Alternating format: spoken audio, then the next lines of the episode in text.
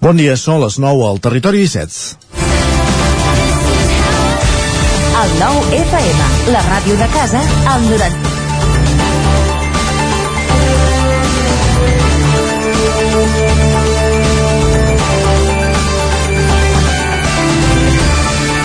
Eh, esto es un premio individual, pero sin duda es un éxito colectivo.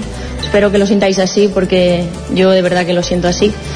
A todos eh, los entrenadores que han creído en mí, eh, muchas gracias también. A la afición, eh, que me hacen sentir muy feliz. Espero que nos sigamos disfrutando muchísimo tiempo más. Al club, al club que el destí ha volgut que, que justament avui sigui el seu 122è aniversari. Moltes felicitats, culers. La veritat que és un privilegi estar aquí representant el Barça avui. El territori 17 compta des d'ahir amb una pilota d'or. La futbolista de Mollet del Vallès i capitana del Barça, Alexia Putelles, es convertia ahir en la primera catalana en aconseguir el màxim reconeixement individual del futbol, un esport d'equip molt associat encara als homes. Al capdavant del Barça, Putelles ha fet història en l'any del triplet, però també han, han trencat sostres de vidre per anar fent aquell llarg camí per situar l'esport femení, on es mereix al mateix nivell, ni més ni menys, que el masculí en tots els aspectes, també el del reconeixement. Ahir a la gala de la FIFA a París, la jove molletana de 27 anys arribava a l'Olimp del futbol després d'una trajectòria que va començar de molt petita. Als autocars de la penya per anar a veure els seus ídols, acompanyada del seu pare, a qui ahir va dedicar el reconeixement que la va portar a Sant Joan d'Espí amb 12 anys, però que en va, en va haver de marxar durant una etapa que va recórrer per altres clubs abans de fer-se un lloc a l'estructura blaugrana a partir del 2012. Època en què el Barça femení no ha fet més que créixer, que va patir un contratemps a Budapest, que va servir perquè l'equip es fes fort i arribés al 2021 de la glòria. I ahir, el dia de l'aniversari del club, de la seva vida, que no passa pel seu millor moment, Putelles era proclamada la millor jugadora del món. Benvinguts al Territori 17, a la sintonia de Ràdio Cardedeu, Ona Codinenca, la veu de Sant Joan, Ràdio Vic, el 9 FM i el 9 TV. 17, amb Isaac Moreno i Jordi Sunyer.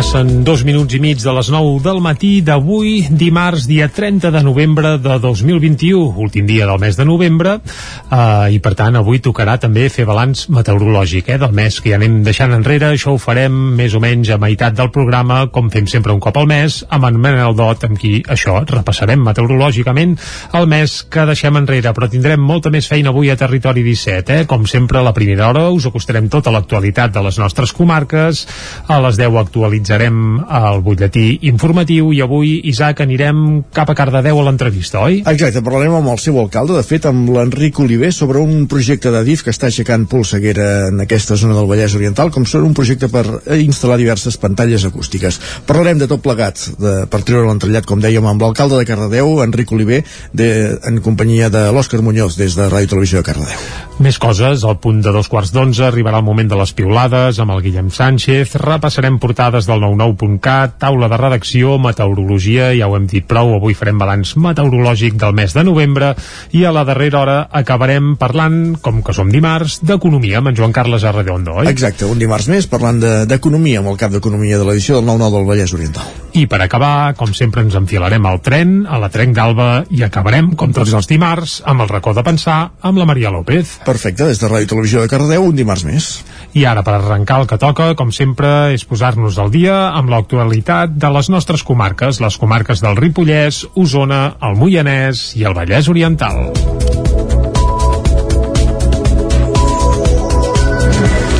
Una actualitat que, com ahir, comença de forma tràgica. Mor Xavier Collboni, el veí de Camprodon de 47 anys que havia desaparegut fent una excursió a la zona de Vallter i que van trobar amb hipotèrmia severa. Isaac Muntades, des de la veu de Sant Joan.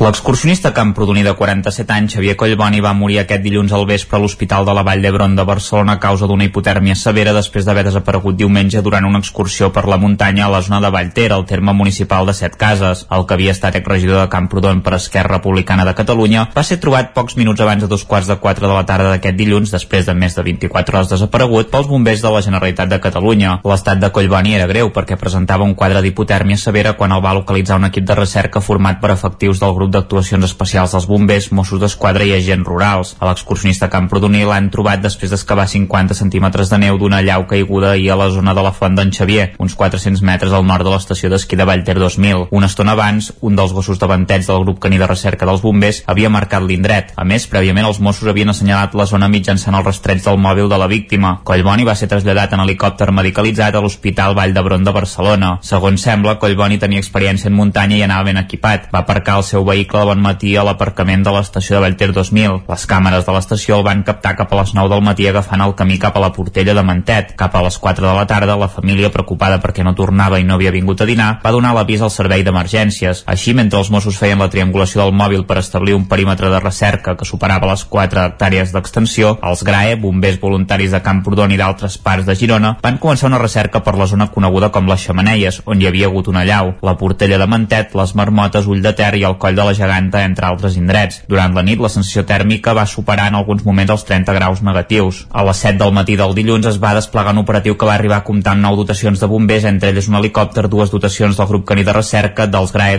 i de Cerdanyola del Vallès i bombers dels parcs propers i de la regió d'emergència del centre. A mig matí, la meteorologia extrema va obligar a retirar primer els voluntaris i després els especialistes. Les tasques de recerca sobre el terreny finalment es van reprendre a la una de la tarda, quan el temps va millorar. Pocs minuts després de desenterrar-lo, els efectius van traslladar la víctima primer en llitera i després en moto de neu fins a les instal·lacions de l'estació d'esquí. Un cop feta la primera atenció per part d'una unitat de sistema d'emergències mèdiques, l'helicòpter el va evacuar fins a la vall d'Hebron. Personal de l'estació d'esquí, que de seguida es va posar a disposició i van habilitar l'ús de telecadires per transportar el personal de recerca, van informar que havien parlat amb ell i que li constava l'alerta pel possible mal temps, així que probablement havia desistit de fer una passejada llarga i estaria per sota el coll de la Marrana, tal com va resultar finalment. El fet que el seu mòbil donés senyal i estigués cobert per una operadora estatal i no pas francesa reforçava aquesta hipòtesi. En l'operatiu de recerca van treballar i a més els efectius dels bombers de la Generalitat, unitats dels Mossos, agents rurals, experts en suport psicològic, ambulàncies i un helicòpter del SEM, experts en muntanya de la vall de Camprodon i amics i familiars de la víctima. Diverses són les entitats i partits polítics de la vall de Camprodon que s'han fet ressò i que han fet arribar les seves mostres de condol per la mort de Xavier Collboni, que havia estat també regidor i cap de llista d'Esquerra a l'Ajuntament de, de Camprodon. Més qüestions. Els partits polítics escalfen motors per les eleccions municipals del 2023 quan falta un any i mig pels comicis. Dissabte a Vic, Junts per Catalunya ja hi va fer un primer acte polític. Míriam Nogueres i Jaume Alonso Coevilles, des, des de les cares més conegudes del partit, van ser a la capital usonenca en el marc d'una campanya que Junts farà arreu del país fins al juliol de 2022 per donar a conèixer el partit de Carles Puigdemont. La portaveu de Junts per Catalunya al Congrés dels Diputats, Míriam Nogueres, i el diputat al Parlament, Jaume Alonso Cuevillas, van ser dissabte a l'acte polític que el partit va celebrar al passatge Mastrot de Vic. També hi van ser la presidenta del Consell Nacional de Junts i alcaldessa de Vic, Anna R, el coordinador del partit a Osona, Enric Roca, i la regidora de Mollà, Montse Girbau. L'acte, que arriba quan falta un any i mig per les eleccions municipals, forma part d'una campanya que Junts farà arreu del país fins al juliol de 2022 per donar a conèixer el partit de Carles Puigdemont. Escoltem per aquest ordre a Jaume Alonso Cuevillas i a Anna R. El president Puigdemont, la Laura Borràs, la Míriam Nogueres, l'Anna R són un exemple d'aquest desacomplexament.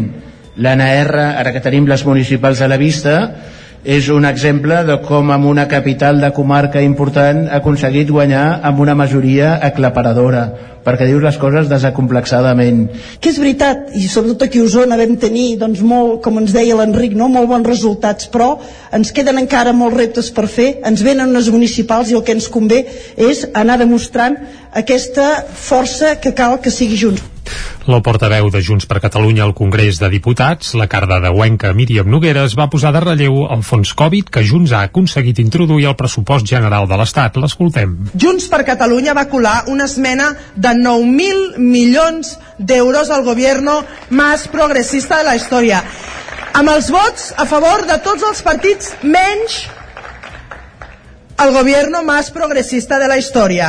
Els podemites i els socialistes van votar en contra d'una injecció de 1.600 milions d'euros per sanitat a Catalunya i una injecció de 9.000 milions d'euros per la resta de comunitats. L'acte va acabar amb el cant dels segadors. I a pocs metres de l'acte de Junts per Catalunya, representants del Partit Popular es van passejar dissabte al bon mercat a la plaça Major de Vic, abans de reunir-se amb militants i simpatitzants a Osona. El coordinador del partit a la comarca, Pau Ferran, i el secretari general de la formació a Catalunya, Santi Rodríguez, van anunciar candidatures del PP a Vic i a d'altres pobles d'Osona en les eleccions municipals del 2023. Actualment, cal recordar que els populars no tenen cap regidor a la comarca. Dissabte dissabte asseguraven que, ho han, que han trobat equips de persones disposades a fer llistes. Ho explica Santi Rodríguez creiem que les perspectives són bones.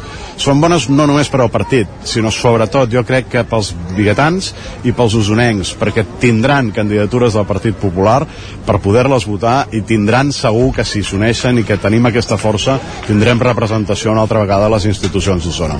Pau Ferran, per la seva banda, va carregar contra el govern de Junts per Catalunya a la capital usonenca, acusant-lo de no afrontar problemàtiques d'inseguretat i d'incivisme. L'escoltem. Hem vist com recentment hi ha una una nova plataforma aquí a Vic, que és Vic Barri Segurs, i hem vist com els veïns i veïnes s'han hagut d'organitzar per tal de fer front a aquesta incidència, a aquesta problemàtica amb la seguretat dels carrers. Veiem com hi ha un ajuntament, un govern municipal que està més preocupat per les banderes, per les pancartes i no pels problemes reals de la gent. Ferran també va criticar els canvis en la mobilitat amb les illes de Vianants o també el carril bici de la Ronda Camprodon. Aquest proper divendres es celebra el Dia Internacional de les Persones amb Discapacitat. A Cardedeu, durant tota la setmana s'han preparat activitats de conscienciació. Núria Lázaro, des de Ràdio Televisió de Cardedeu. Ahir al matí començava la setmana de la discapacitat a Cardedeu amb unes jornades d'esport inclusiu amb l'escola mil·lenari al pavelló de Cardedeu i han pogut comprovar com és jugar bàsquet amb cadira de rodes amb l'ajuda d'en Biel i l'Òscar, dos jugadors del Barça de bàsquet. Noelia Cortés, presidenta de l'associació Amics d'en Biel. A través de l'esport doncs, per fer visible la discapacitat amb nens eh, del poble. En aquest cas sempre fem l'activitat d'esport inclusiu, que venen els nens i practiquen tota mena d'esport en cadira i que es posin una miqueta a la pell de la gent doncs, que té alguna discapacitat. Jo crec que és important ensenyar des de ben petits mm, una mica a normalitzar la situació. Les tres associacions de Cardedeu, Amics d'en Biel i Som i Viver de Belllloc han organitzat les activitats d'aquesta setmana de la discapacitat. Alumnes de sisè de Cardedeu han estat també amb l'Alan, un guia de muntanya que els ha ensenyat a fer servir la joalet, una cadira que serveix perquè persones amb algun tipus de discapacitat puguin gaudir de la muntanya encara que no puguin accedir per ells mateixos. Una cadira que necessita treballar en equip per transportar-la. Mestres de l'escola mil·lenari. Doncs pensem que són molt importants perquè així ells eh, són conscients de que no tothom té tanta sort com ells i que a vegades en el moment que, sent, que seus en una cadira de rodes te n'adones realment de la dificultat que tenen les persones eh, doncs, amb discapacitat, vale? que des de fora potser es veu d'una manera i quan realment t'hi poses te n'adones no? de, de tot plegat. La veritat és que és una oportunitat per, per viure en la pròpia experiència de, del, del difícil que és a vegades coses tan simples, no? I que moltes vegades doncs, els, els nens, les persones ens queixem de no puc, no en sé, i te n'adones doncs, de, de que realment sí que podem, de que sí que sabem i que tot és posar-hi una mica de ganes i una mica d'il·lusió. I avui és un dia molt important per nens com els de sisè i per generacions que vindran de, per, per fer una mica de canvis en el món i fer la vida més fàcil una mica per tots. Divendres al matí es farà una mapatlón amb un grup de 80 voluntaris de l'Institut Pla Marcell i membres de les diferents entitats. Es farà a través d'una aplicació web i la idea és poder crear un mapa amb totes les zones de Cardedeu que no tenen accessibilitat. Vigues i Riells del FAI comptarà amb el primer regidor trans en un equip de govern a tot Catalunya. Ostentarà la regidoria de LGTBI, LGTBI Comés. Jordi Givert, des d'Ona Codinenca en el ple municipal de la setmana passada, celebrat el dijous, es va crear la primera regidoria LGTBI Plus del país en aquest municipi de la Vall d'Altenes. D'aquesta manera, l'equip de govern busca donar més visibilitat al col·lectiu. La creació de la nova regidoria ve enmig dels canvis creats per un moviment d'entrada i sortida de regidors.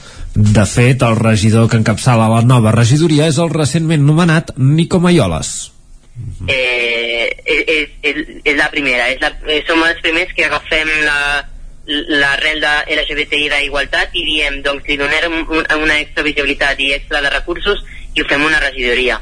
això eh, sorgeix eh, d'Esquerra Republicana abans que jo entri eh, o, o hi hagi la possibilitat de que jo, o el pensament de que jo arribi a entrar de fet, el Nico és el primer regidor trans que encapçalarà una regidoria a tot Catalunya i el segon regidor trans en un consistori. Ell mateix explicava els reptes de la nova regidoria. Hem, hem fixat, pel que queda de mandat, hem fixat un objectiu molt clar eh, i és a, a, acabar de, eh, de deixar fet el punt de LGBTI de Digues i Riells del FAI que bàsicament mm, no, no, no arriba a ser com un punt com el que podríem trobar-nos a Granollers, per exemple, que no té els mateixos habitants que nosaltres, eh, però sí que és un, serà un punt d'assessorament eh, i, eh, d'assessorament de diferents tipus per a persones LGBTI de, D'aquesta manera, Vigues i Riells del FAI es converteix en el primer municipi de Catalunya amb una regidoria LGTBI+. Gràcies, Jordi. Família i amics de Toni Coromina, que va morir ara fa un any, es van reunir aquest diumenge a l'Atlàntida de Vic per recordar el periodista i escriptor biguetà, un acte que l'Ateneu de Vic va organitzar amb el lema Un rebel a la ciutat dels Sants i que va reunir cares conegudes del món de la cultura i la comunicació. 800 persones omplien diumenge la sala gran de l'Atlàntida en l'homenatge a Toni Coromina un any després de la seva mort. Un comiat que havia quedat pendent i que la família i amics del periodista i escriptor biguetà van organitzar amb el lema Un rebel a la ciutat dels Sants. Durant pràcticament 3 hores, un vaivé d'amics, familiars i cares conegudes van fer memòria de la persona i el personatge, un biguetà carismàtic que estimava la seva ciutat. Els fills i el nebot de Coromina van posar el punt més emotiu de l'acte. Escoltem a la Quim i a la Iman. El meu tiet Toni era molt bona persona i com tota la gent, ell va morir. I mai oblidarem l'últim dia que va estar amb nosaltres. I també mai oblidarem el seu somriure. Finalment, vull donar-vos les gràcies a tots i a totes que esteu aquí amb nosaltres i gràcies, gràcies pel, pel dibuix que ha fet el meu cosí Nabil perquè és molt bonic. L'actor Albert Vidal va posar veu i gest al monòleg Com preparar un xaiet social del mateix Coromina i Rafael Subiracs va interpretar al piano una peça basada en música de Bach composta especialment per a l'ocasió. Quimi Portet i Manolo García també van ser a l'Atlàntida per recordar la figura de Coromina. Els va unir, en aquest cas, al món de la música. Altres moments estel·lars de la nit els van protagonitzar la Coral Baquilles i la Palma Jazz Band, que es van retrobar per a l'ocasió fent una entrada triomfal al Teatre Bigatà. Gràcies, Jordi, que aquí aquest repàs informatiu que començàvem a les 9 del matí en companyia de Núria Lázaro, Jordi Givert, Isaac Montades i Jordi Sunyem. Tot seguit anem per conèixer la previsió meteorològica.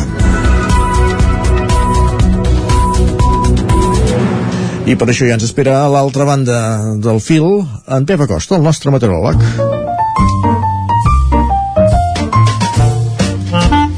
Casa Terradellos us ofereix el temps. Un Pep Acosta, qui saludem ara mateix. Bon dia, Pep. Hola, molt bon dia. I molt bona hora. Ja estem aquí, I a la informació del temps. Què podem dir del dia d'avui? El que doncs vulguis. que ha fet menys fred aquesta nit, menys fred. Les mínimes a molt alta muntanya volten els 7, 8 sota 0. Uh, hem de recordar que cap de setmana ahir aquestes mínimes eren de 14, 15, 16 graus sota 0 per tant es va tallant es va acabant aquesta injecció d'aire fred àrtica que hem tingut aquests dies uh, són temperatures encara molt baixes òbviament, però ja són temperatures més habituals per l'època aquests 15, 16, 7, aquests 15, 16 graus sota 0 uh, és, uh, s'assoleixen quan hi ha una entrada d'aire fred uh, potent com aquest Nico aquest cap de setmana. Avui ja tenim valors normalitzats per l'època de l'any, mínimes entre 6 i 8 sota 0 alta muntanya, i cap a l'interior, cap al litoral, les mínimes volten els, entre els 0 i els 5 graus. Hi ha una glaçada puntual a les zones més fredes de les comarques, però la majoria de valors eh, han quedat així, entre els 0 i els 5 graus positius. Uh, hi ha una boira es comença a formar una boira als comarques interiors, a les planes, i és que n'hi ha a més, eh, durant la setmana n'hi ha a més aquestes boires, ja que el vent en calmarà i la situació serà una mica més calmada, amb poques pertorbacions, amb poc vent, eh, es formen aquestes eh, boires. N'hi ha alguna, però es dissiparà cap al migdia. Encara no seran boires aquelles molt intenses ni extenses. Cap al migdia, amb la força del sol, es dissiparan i és que serà avui un dia força assolellat. Algun núvol prim, algun núvol baix, però poca cosa, poca cosa en general. Poder més núvols cap al peritoral ara al matí, també última hora de, del dia, però sense cap precipitació. A les zones de muntanya tampoc cap precipitació, un dia força assolellat, els vents ja molt més fluixos, s'acaba aquest eh, vent de nord, vent de direccions variables i molt més fluixos, entre 20, 30, 40 km per hora tot estirar, eh, res a veure amb el temporal de, de torb de, del cap de setmana, eh, que ha sigut notícia, eh, a més ahir va morir una persona fins i tot de, eh, a la zona de Uidater, eh, molt males notícies, eh, el vent, el fred eh, era molt intens i, i, i es va produir aquesta, aquesta desgràcia ahir a aquesta zona de, cap a Baiter doncs això, avui eh, les circumstàncies són molt diferents ja, no hi haurà aquest vent tan, tan, tan fort eh, molt menys vent i molt més sol també a les zones de muntanya. Eh, per tant, en conclusió serà un dia avui bastant tranquil amb unes temperatures les mínimes que han pujat i les màximes que també pujaran una mica.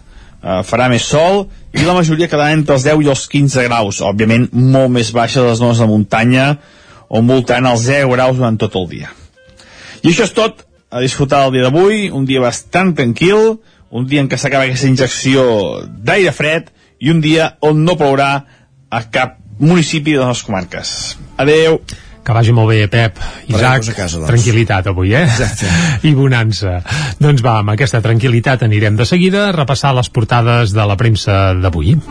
Casa Tarradellas us ha ofert aquest espai. Doncs vinga, ràpidament, entrem al quiosc. Doncs vinga, cap al quiosc i ho farem com sempre arrencant fent un cop d'ull al punt avui que titula el certificat Covid a partir de divendres. El conseller Argimon defensa que és una bona eina tot i el col·lapse.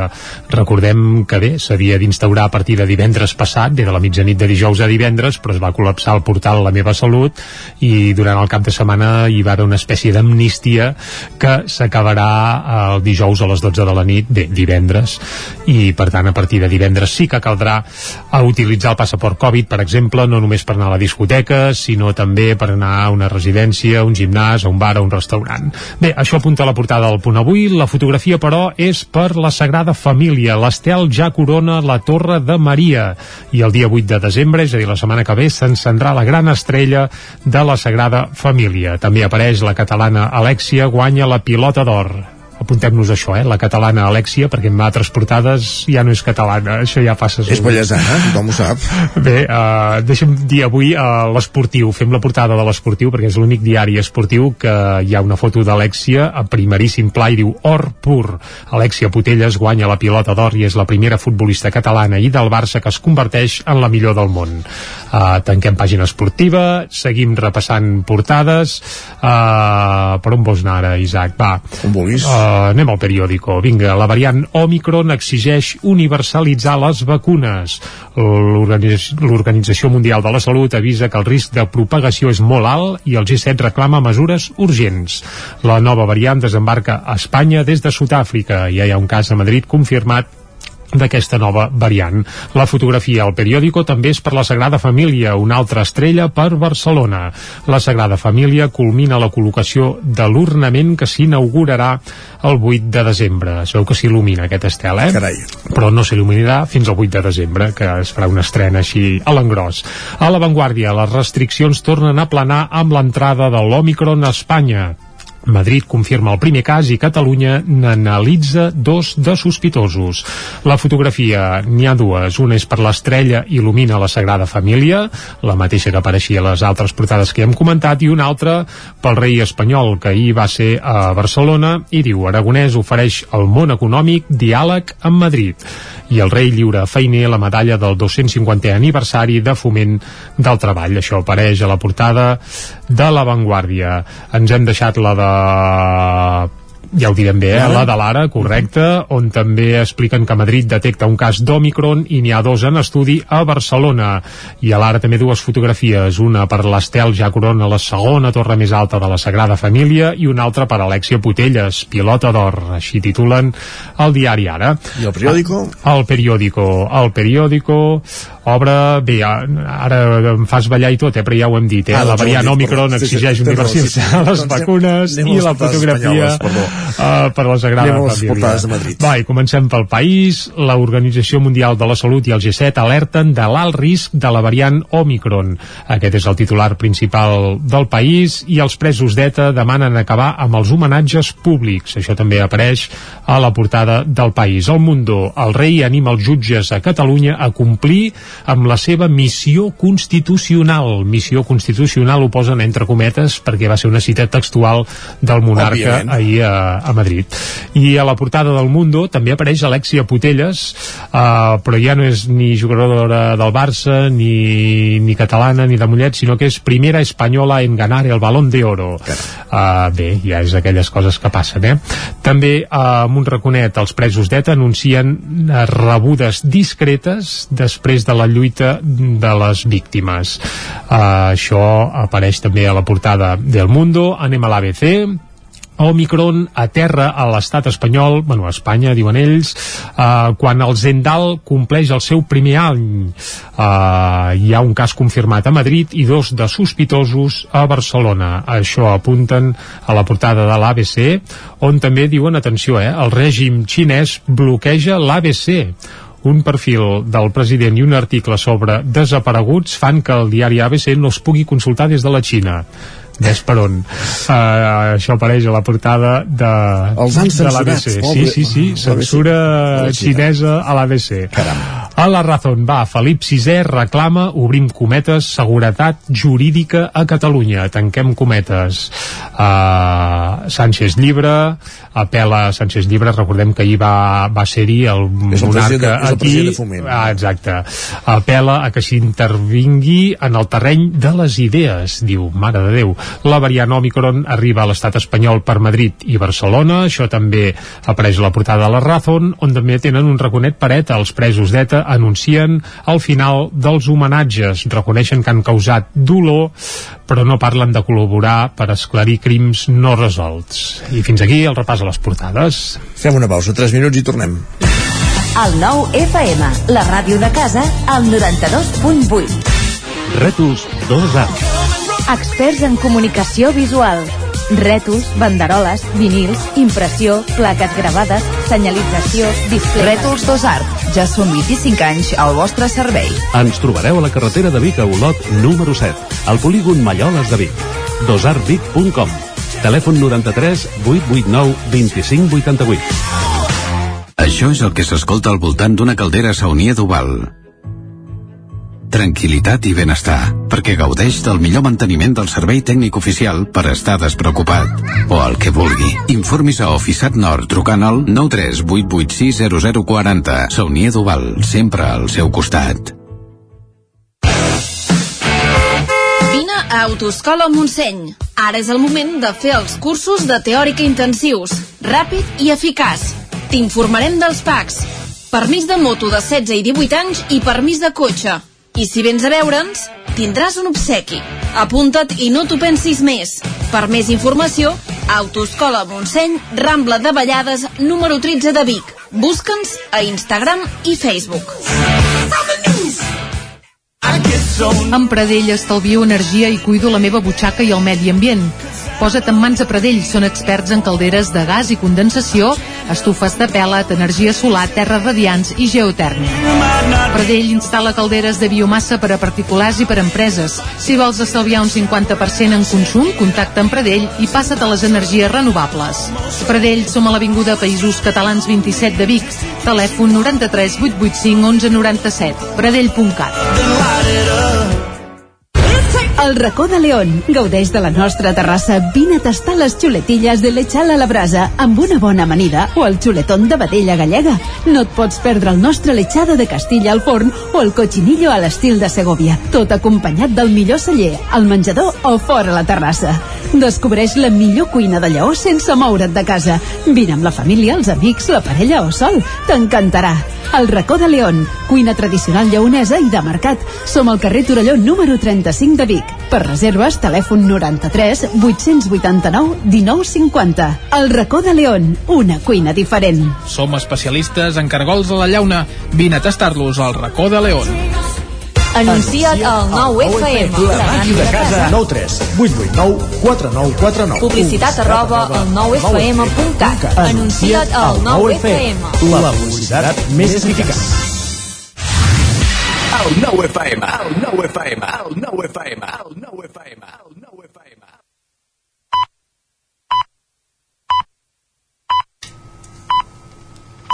Ara mateix dos quarts de deu al territori 17. Territori 17, amb Isaac Moreno i Jordi Sunyer.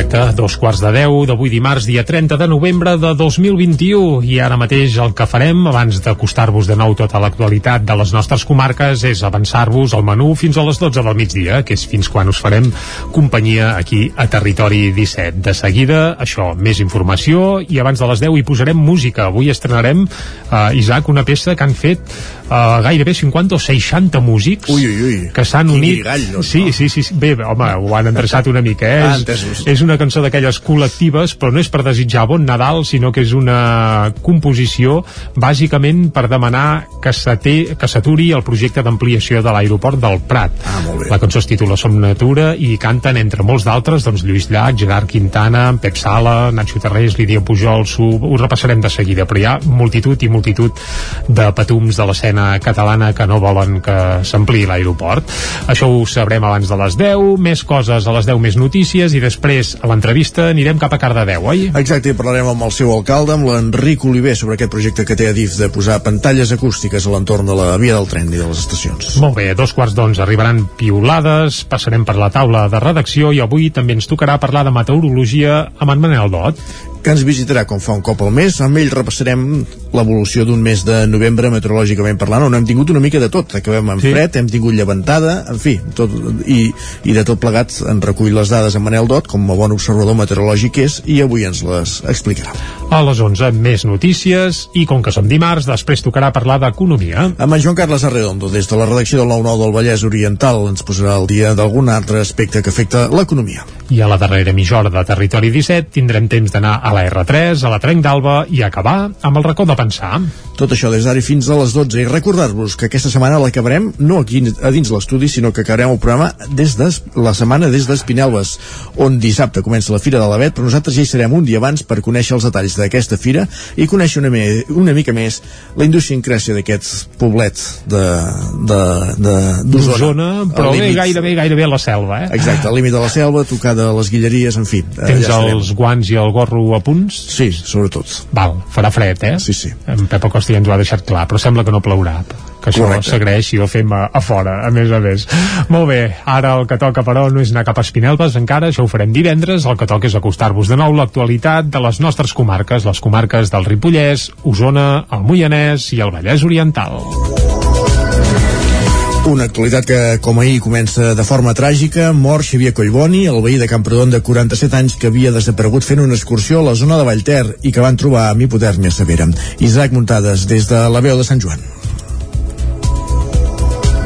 L'excursionista camprodoní de 47 anys, Xavier Collboni, va morir aquest dilluns al vespre a l'Hospital de la Vall d'Hebron de Barcelona a causa d'una hipotèrmia severa després d'haver desaparegut diumenge durant una excursió per la muntanya a la zona de Vallter, al terme municipal de Set Cases. El que havia estat exregidor de Camprodon per Esquerra Republicana de Catalunya va ser trobat pocs minuts abans de dos quarts de quatre de la tarda d'aquest dilluns, després de més de 24 hores desaparegut, pels bombers de la Generalitat de Catalunya. L'estat de Collboni era greu perquè presentava un quadre d'hipotèrmia severa quan el va localitzar un equip de recerca format per efectius del grup grup d'actuacions especials dels bombers, Mossos d'Esquadra i agents rurals. A l'excursionista Camprodoní l'han trobat després d'excavar 50 centímetres de neu d'una llau caiguda ahir a la zona de la Font d'en Xavier, uns 400 metres al nord de l'estació d'esquí de Vallter 2000. Una estona abans, un dels gossos de banteig del grup caní de recerca dels bombers havia marcat l'indret. A més, prèviament els Mossos havien assenyalat la zona mitjançant el rastreig del mòbil de la víctima. Collboni va ser traslladat en helicòpter medicalitzat a l'Hospital Vall d'Hebron de Barcelona. Segons sembla, Collboni tenia experiència en muntanya i anava ben equipat. Va aparcar el seu vehicle de bon matí a l'aparcament de l'estació de Vallter 2000. Les càmeres de l'estació el van captar cap a les 9 del matí agafant el camí cap a la Portella de Mantet. Cap a les 4 de la tarda, la família, preocupada perquè no tornava i no havia vingut a dinar, va donar l'avís al servei d'emergències. Així, mentre els Mossos feien la triangulació del mòbil per establir un perímetre de recerca que superava les 4 hectàrees d'extensió, els GRAE, bombers voluntaris de Camprodon i d'altres parts de Girona, van començar una recerca per la zona coneguda com les Xamaneies, on hi havia hagut una llau, la Portella de Mantet, les Marmotes, Ull de Ter i el Coll de la Geganta, entre altres indrets. Durant la nit, la sensació tèrmica va superar en alguns moments els 30 graus negatius. A les 7 del matí del dilluns es va desplegar un operatiu que va arribar a comptar amb 9 dotacions de bombers, entre elles un helicòpter, dues dotacions del grup caní de recerca, dels GRAE d'Olot i de Cerdanyola del Vallès i bombers dels parcs propers i de la regió d'emergència del centre. A mig matí, la meteorologia extrema va obligar a retirar primer els voluntaris i després els especialistes. Les tasques de recerca sobre el terreny finalment es van reprendre a la una de la tarda, quan el temps va millorar. Pocs minuts després de desenterrar-lo, els efectius van traslladar la víctima primer en llitera i després en moto de neu fins a les instal·lacions de l'estació d'esquí. Un cop feta la primera atenció per part d'una unitat de sistema d'emergències mèdiques, l'helicòpter el va evacuar fins a la vall d'Hebron. Personal de l'estació d'esquí que de seguida es va posar a disposició i van habilitar l'ús de telecadires per transportar el personal de recerca, van informar que havien parlat amb ell i que li constava l'alerta pel possible mal temps, així que probablement havia desistit de fer una passejada llarga i estaria per sota el coll de la Marrana, tal com va resultar finalment. El fet que el seu mòbil donés senyal i estigués cobert per una operadora estatal i no pas francesa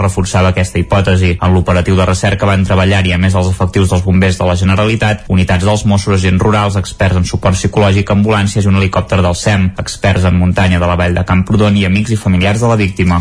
Diverses són les entitats i partits polítics de la Vall de Camprodon que s'han fet ressò i que han fet arribar les seves mostres de condol per la mort de Xavier Collboni, que havia estat també regidor i cap de llista d'Esquerra a l'Ajuntament de, de Camprodon.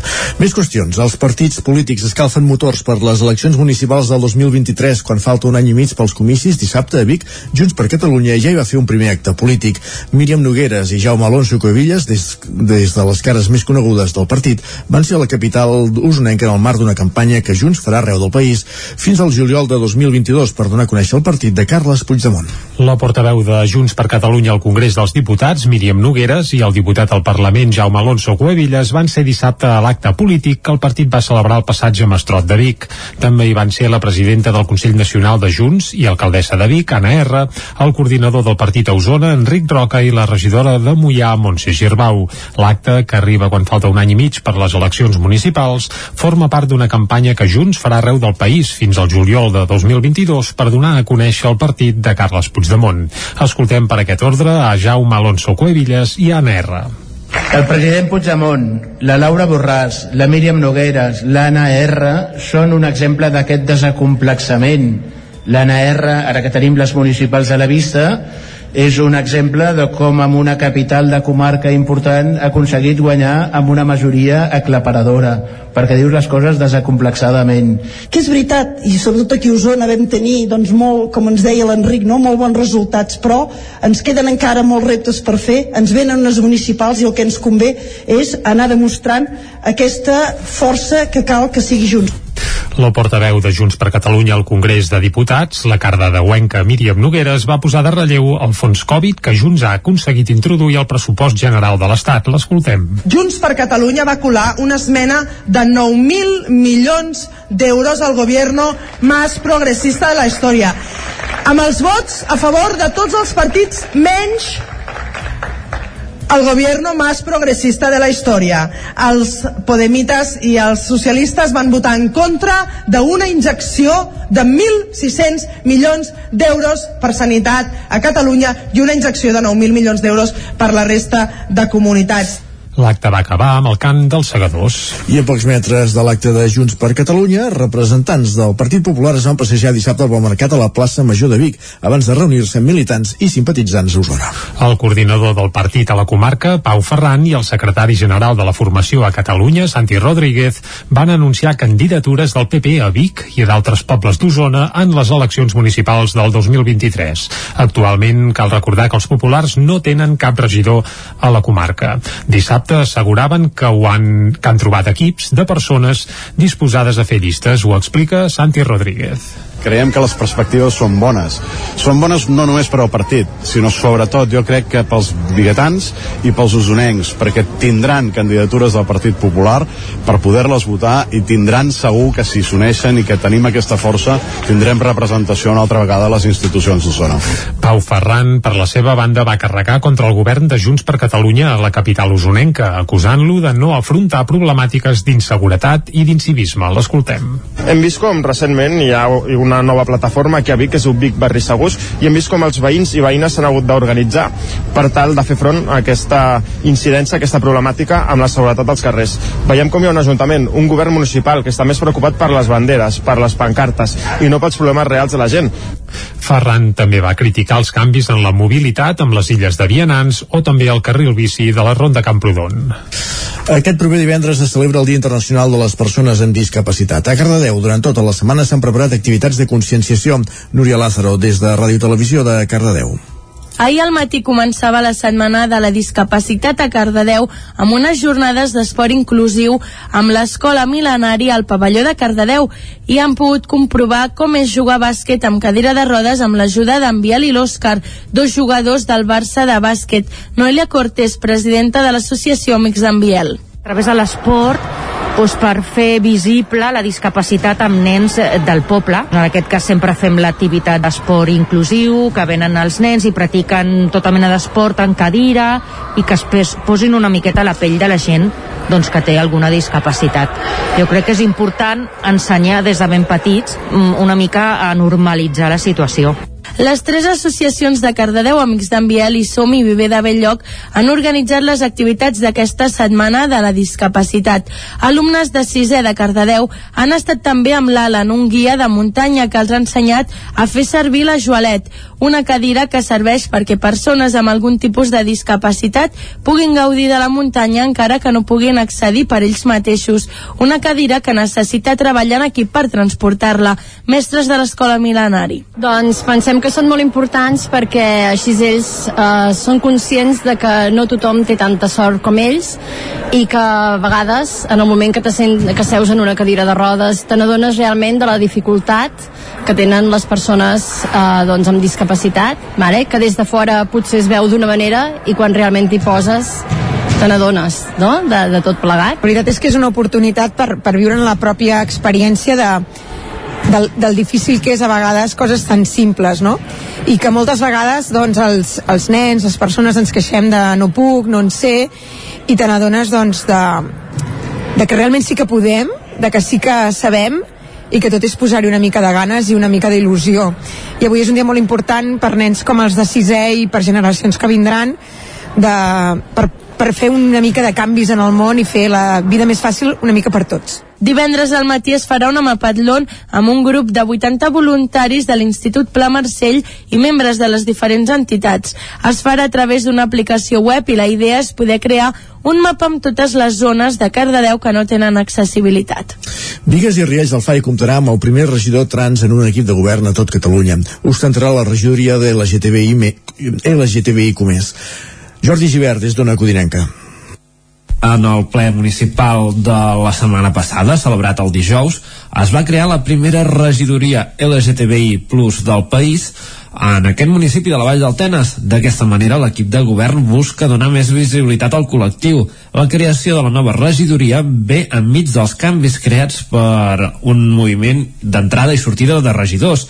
De fet, el regidor que encapçala la nova regidoria és el recentment nomenat Nico Maioles eh, és, és, és la primera és la, eh, som els primers que agafem la, l'arrel de LGBTI d'igualtat i diem, doncs li donem un, una extra visibilitat i extra de recursos i ho fem una regidoria.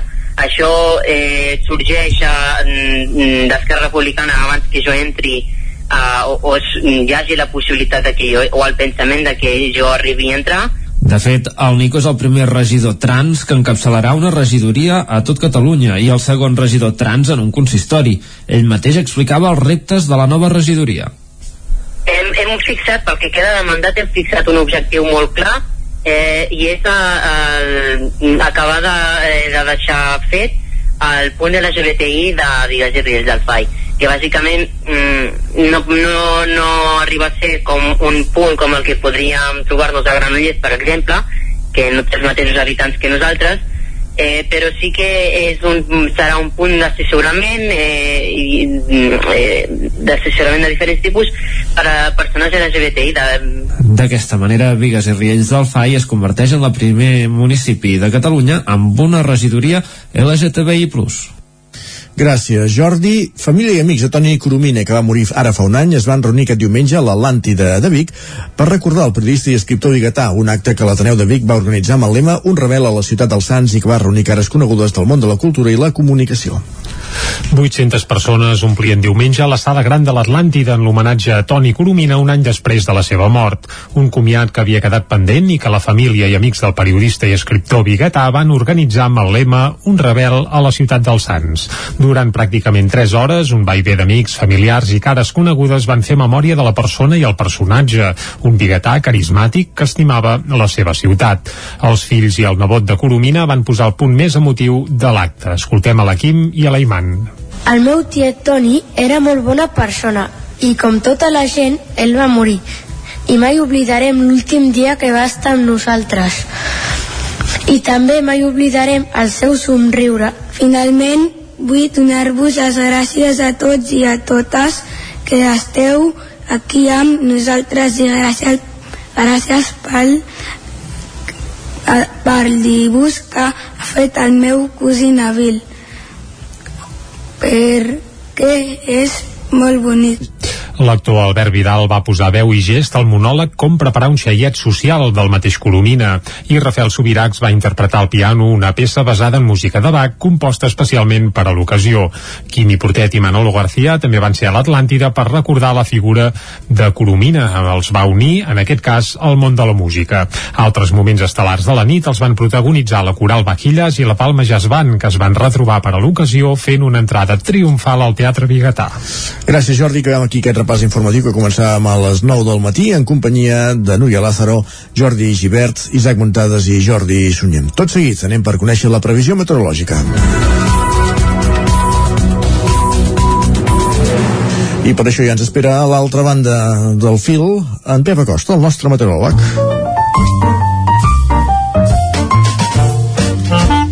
Casa Terradellos us ofereix el temps. Pep Acosta, qui saludem ara mateix. Bon dia, Pep. Hola, molt bon dia. Molt bona hora. Ja estem aquí, a la informació del temps. Què podem dir del dia d'avui? Doncs que ha fet menys fred aquesta nit, menys fred. Les mínimes a molt alta muntanya volten els 7, 8 sota 0. Uh, hem de recordar que cap de setmana ahir aquestes mínimes eren de 14, 15, 16 graus sota 0 per tant es va tallant es va acabant aquesta injecció d'aire fred àrtica que hem tingut aquests dies. Uh, són temperatures encara molt baixes òbviament, però ja són temperatures més habituals per l'època. Aquests 15, 16, 7, aquests 15, 16 graus sota 0 uh, uh, s'assoleixen quan hi ha una entrada d'aire fred uh, potent com aquest dic aquest cap de setmana. Avui ja tenim valors normalitzats per l'època de l'any mínimes entre 6 i 8 sota 0 alta muntanya i cap a l'interior, cap al litoral les mínimes volten els, entre els 0 i els 5 graus. Hi ha una glaçada puntual a les zones més fredes en les comarques però la majoria de valors eh, quedat així, entre els 0 i els 5 graus positius.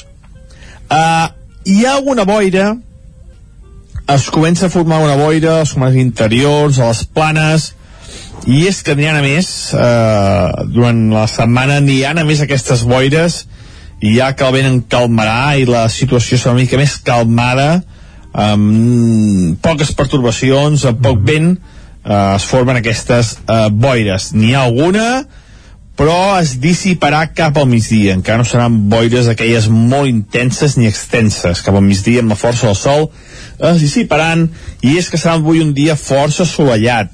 Algun núvol prim, algun núvol baix, però poca cosa, poca cosa en general. Poder més núvols cap al peritoral ara al matí, també última hora de, del dia, però sense cap precipitació a les zones de muntanya tampoc cap precipitació, un dia força assolellat, els vents ja molt més fluixos, s'acaba aquest eh, vent de nord, vent de direccions variables i molt més fluixos, entre 20, 30, 40 km per hora tot estirar, eh, a més de molt temporal de, de torb de, del cap de setmana, eh, que ha sigut notícia, eh, a més ahir va, va morir una persona fins i tot de, eh, a la zona de Ter, eh, molt males notícies, uh, el vent, el fred eh, era molt intens i, i, i es va produir aquesta, aquesta desgràcia ahir aquesta zona de, cap a Baiter.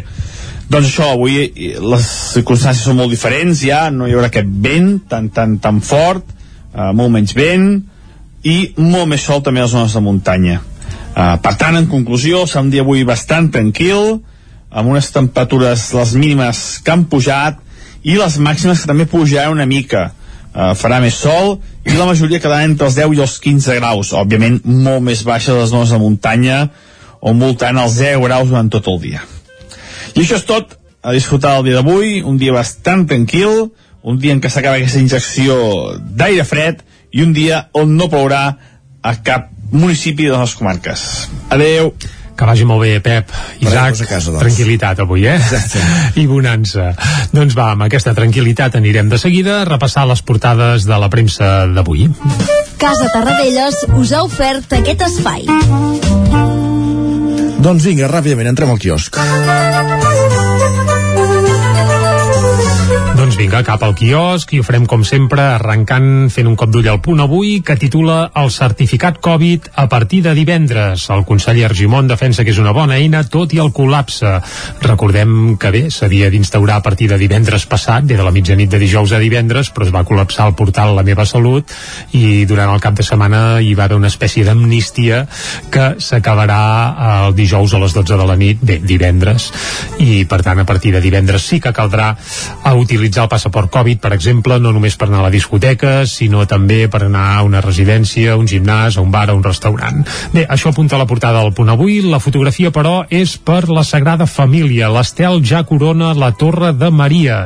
I el dia 8 de desembre, és a dir, la setmana que ve, s'encendrà la gran estrella de la Sagrada Família. També apareix la catalana Alexia, guanya la pilota d'or apuntem-nos això, eh? la catalana Alexia, perquè en altres portades ja no és catalana, això ja passa És bellesana, tothom ho sap. Bé, uh, deixa'm dir avui uh, l'esportiu, fem la portada de l'esportiu perquè és l'únic diari esportiu que hi ha una foto d'Alexia a primeríssim pla i diu or pur. Alexia Putelles guanya la pilota d'or i és la primera futbolista catalana i del Barça que es converteix en la millor del món. Uh, tanquem pàgina esportiva, seguim repassant portades. Uh, per on vols anar ara, Isaac? Va. On vulguis. Uh, anem al periòdico. Vinga, la variant Omicron exigeix universalitzar les vacunes. L'Organització Mundial de la Salut avisa que el risc de propagació és molt alt i el G7 reclama mesures urgents. La nova variant desembarca a Espanya des de Sud-àfrica. Ja hi ha un cas a Madrid confirmat d'aquesta nova variant. La fotografia al periòdico també és per la Sagrada Família, una altra estrella per Barcelona. La Sagrada Família culmina la col·locació de l'ornament que s'inaugurarà el 8 de desembre. Es veu que s'il·lumina aquest estel, eh? Carai. Però no s'il·luminarà fins al 8 de desembre, que es farà una estrena així a l'engròs. A l'avantguàrdia, les restriccions tornen a planar amb l'entrada de l'Omicron a Espanya. Madrid confirma el primer cas i Catalunya n'analitza dos de sospitosos. La fotografia n'hi ha dues. Una és per l'estrella il·lumina la Sagrada Família, la mateixa que apareixia a les altres portades que hem comentat, i una altra pel rei espanyol, que ahir va ser a Barcelona, i diu Aragonès ofereix al món econòmic diàleg amb Madrid. I el rei lliura a Feiner la medalla del 250è aniversari de foment del treball. Això apareix a la portada de l'avantguàrdia. Ens hem deixat la de eh, ja ho direm bé, eh? la de l'ara, correcte, on també expliquen que Madrid detecta un cas d'Omicron i n'hi ha dos en estudi a Barcelona. I a l'ara també dues fotografies, una per l'Estel ja corona la segona torre més alta de la Sagrada Família i una altra per Alexia Putelles, pilota d'or, així titulen el diari Ara. I el periòdico? El periòdico, el periòdico obre, bé, ara em fas ballar i tot, eh, però ja ho hem dit, eh? Ah, la doncs variant Omicron perdó. Sí, sí, exigeix sí, sí. les Doncs vacunes i la fotografia. Uh, per la Sagrada Família. de Madrid. Va, i comencem pel país. L'Organització Mundial de la Salut i el G7 alerten de l'alt risc de la variant Omicron. Aquest és el titular principal del país i els presos d'ETA demanen acabar amb els homenatges públics. Això també apareix a la portada del país. El Mundo, el rei anima els jutges de Catalunya a complir amb la seva missió constitucional. Missió constitucional ho posen entre cometes perquè va ser una cita textual del monarca Òbviament. ahir a, a Madrid. I a la portada del Mundo també apareix Alexia Putelles, uh, però ja no és ni jugadora del Barça, ni, ni catalana, ni de Mollet, sinó que és primera espanyola en ganar el Balón de Oro. Uh, bé, ja és aquelles coses que passen, eh? També uh, amb un raconet els presos d'ETA anuncien uh, rebudes discretes després de la lluita de les víctimes. Uh, això apareix també a la portada del Mundo. Anem a l'ABC, Omicron aterra a l'estat espanyol, bueno, a Espanya, diuen ells, eh, quan el Zendal compleix el seu primer any. Eh, hi ha un cas confirmat a Madrid i dos de sospitosos a Barcelona. Això apunten a la portada de l'ABC, on també diuen, atenció, eh, el règim xinès bloqueja l'ABC un perfil del president i un article sobre desapareguts fan que el diari ABC no es pugui consultar des de la Xina. Ves per on. Uh, això apareix a la portada de, Els han de l'ABC. Sí, sí, sí, censura xinesa a l'ABC. A la Razón va, Felip VI reclama, obrim cometes, seguretat jurídica a Catalunya. Tanquem cometes. Uh, Sánchez Llibre, apela Sánchez Llibre, recordem que ahir va, va ser-hi el És monarca el aquí, ah, exacte, apela a que s'intervingui en el terreny de les idees, diu, mare de Déu. La variant Omicron arriba a l'estat espanyol per Madrid i Barcelona, això també apareix a la portada de la Razón, on també tenen un raconet per ETA. Els presos d'ETA anuncien el final dels homenatges, reconeixen que han causat dolor, però no parlen de col·laborar per esclarir crims no resolts. I fins aquí el repàs a les portades. déu nhi com estan les portades avui també, com el temps, a xifra d'olic. Sí, exacte, amb un parell de protagonistes principals, un és l'Omicron aquest famós, l'altre l'Alexia Putelles i a més a més també l'estrella aquesta que vaja, coronarà una de les torres de la Sagrada Família, però ara no anirem no, no van ser temps de, de posar-la abans del Black Friday per poder encendre els llums abans, eh? en fi, és igual. han d'estalviar que, que necessiten calés per acabar de pagar les obres i sembla que amb el sotrac del coronavirus la cosa s'ha lentit. Posem-hi música, va. Posem-hi música, va, ja estem escoltant de fons la cançó Som Natura. I per què escoltem aquesta cançó? Doncs perquè aquesta cançó s'ha donat a conèixer fa res, fa quatre, quatre dies i és una cançó col·lectiva que eh, neix com a protesta contra el projecte d'ampliació de l'aeroport del Prat a Barcelona. Ara no se'n parla gaire, ara vull dir avui, però és, un, és un, una cosa que, que, que vaja, que està, que està d'actualitat pràcticament cada dia. Eh? La cançó l'ha impulsat el periodista i activista Lluís Marraser i atenció perquè la nòmina de col·laboradors és bestial. Uh, entre d'altres, si pareu bé l'orella, en aquesta cançó hi escoltareu Lluís Llach, Gerard Quintana, Pep Sala, Nacho Tarrés de Gossos, Lídia Pujol, la Su, el Jofre Verdagí, en Cicus Carbonell, de Sabor de Gràcia, la Carme Canela, la Sara Pi, el Marc Martínez, la Montse Castellà, la Magalí Sare, que ara viu a Centelles, per cert, la Txell Sust, el Guillem Soler de Buos, la Sílvia Comas, el Lluís i el Joan Si- Fortun si de la companyia elèctrica d'Arma. eh? Sí, i poso tres punts suspensius, eh? I ja està. Uh, vinga, va, ens afegim uh, això, aquest cant causa. contra l'ampliació de l'aeroport de Barcelona al Prat i amb això arribarem fins al punt de les 10 aquí a Territori 17. Som-hi. Coneix tot no fem. Us podreu treure el cinturó, però que no us vegi mai fumant, que hi ha prou pol·lució al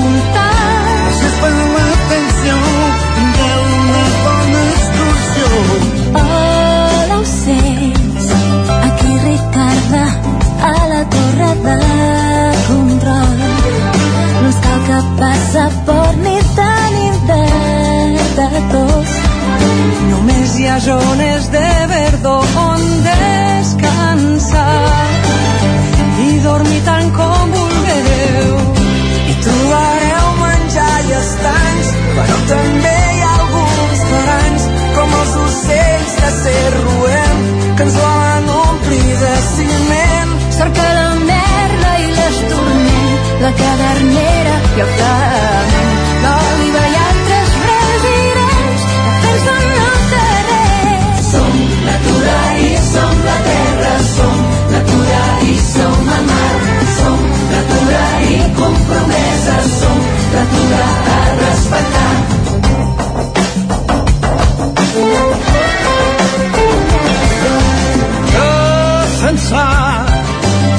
D'aquest planeta és una lluita universal de l'Amazònia a les cases del Canà.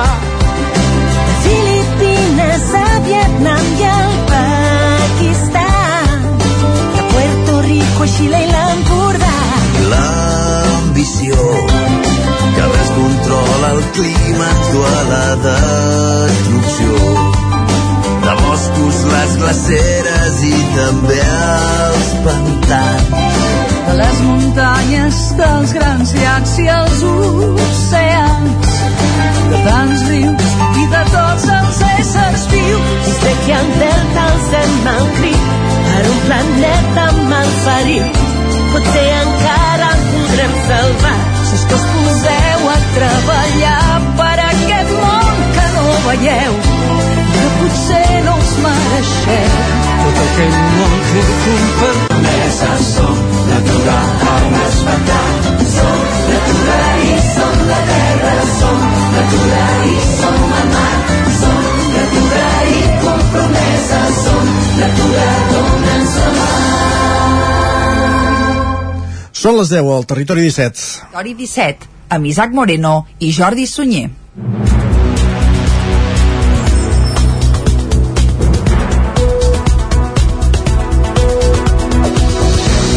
I a aquesta hora és moment de posar-nos al dia, de repassar l'actualitat de les nostres comarques en connexió amb les diferents emissores que fan possible cada dia aquest programa.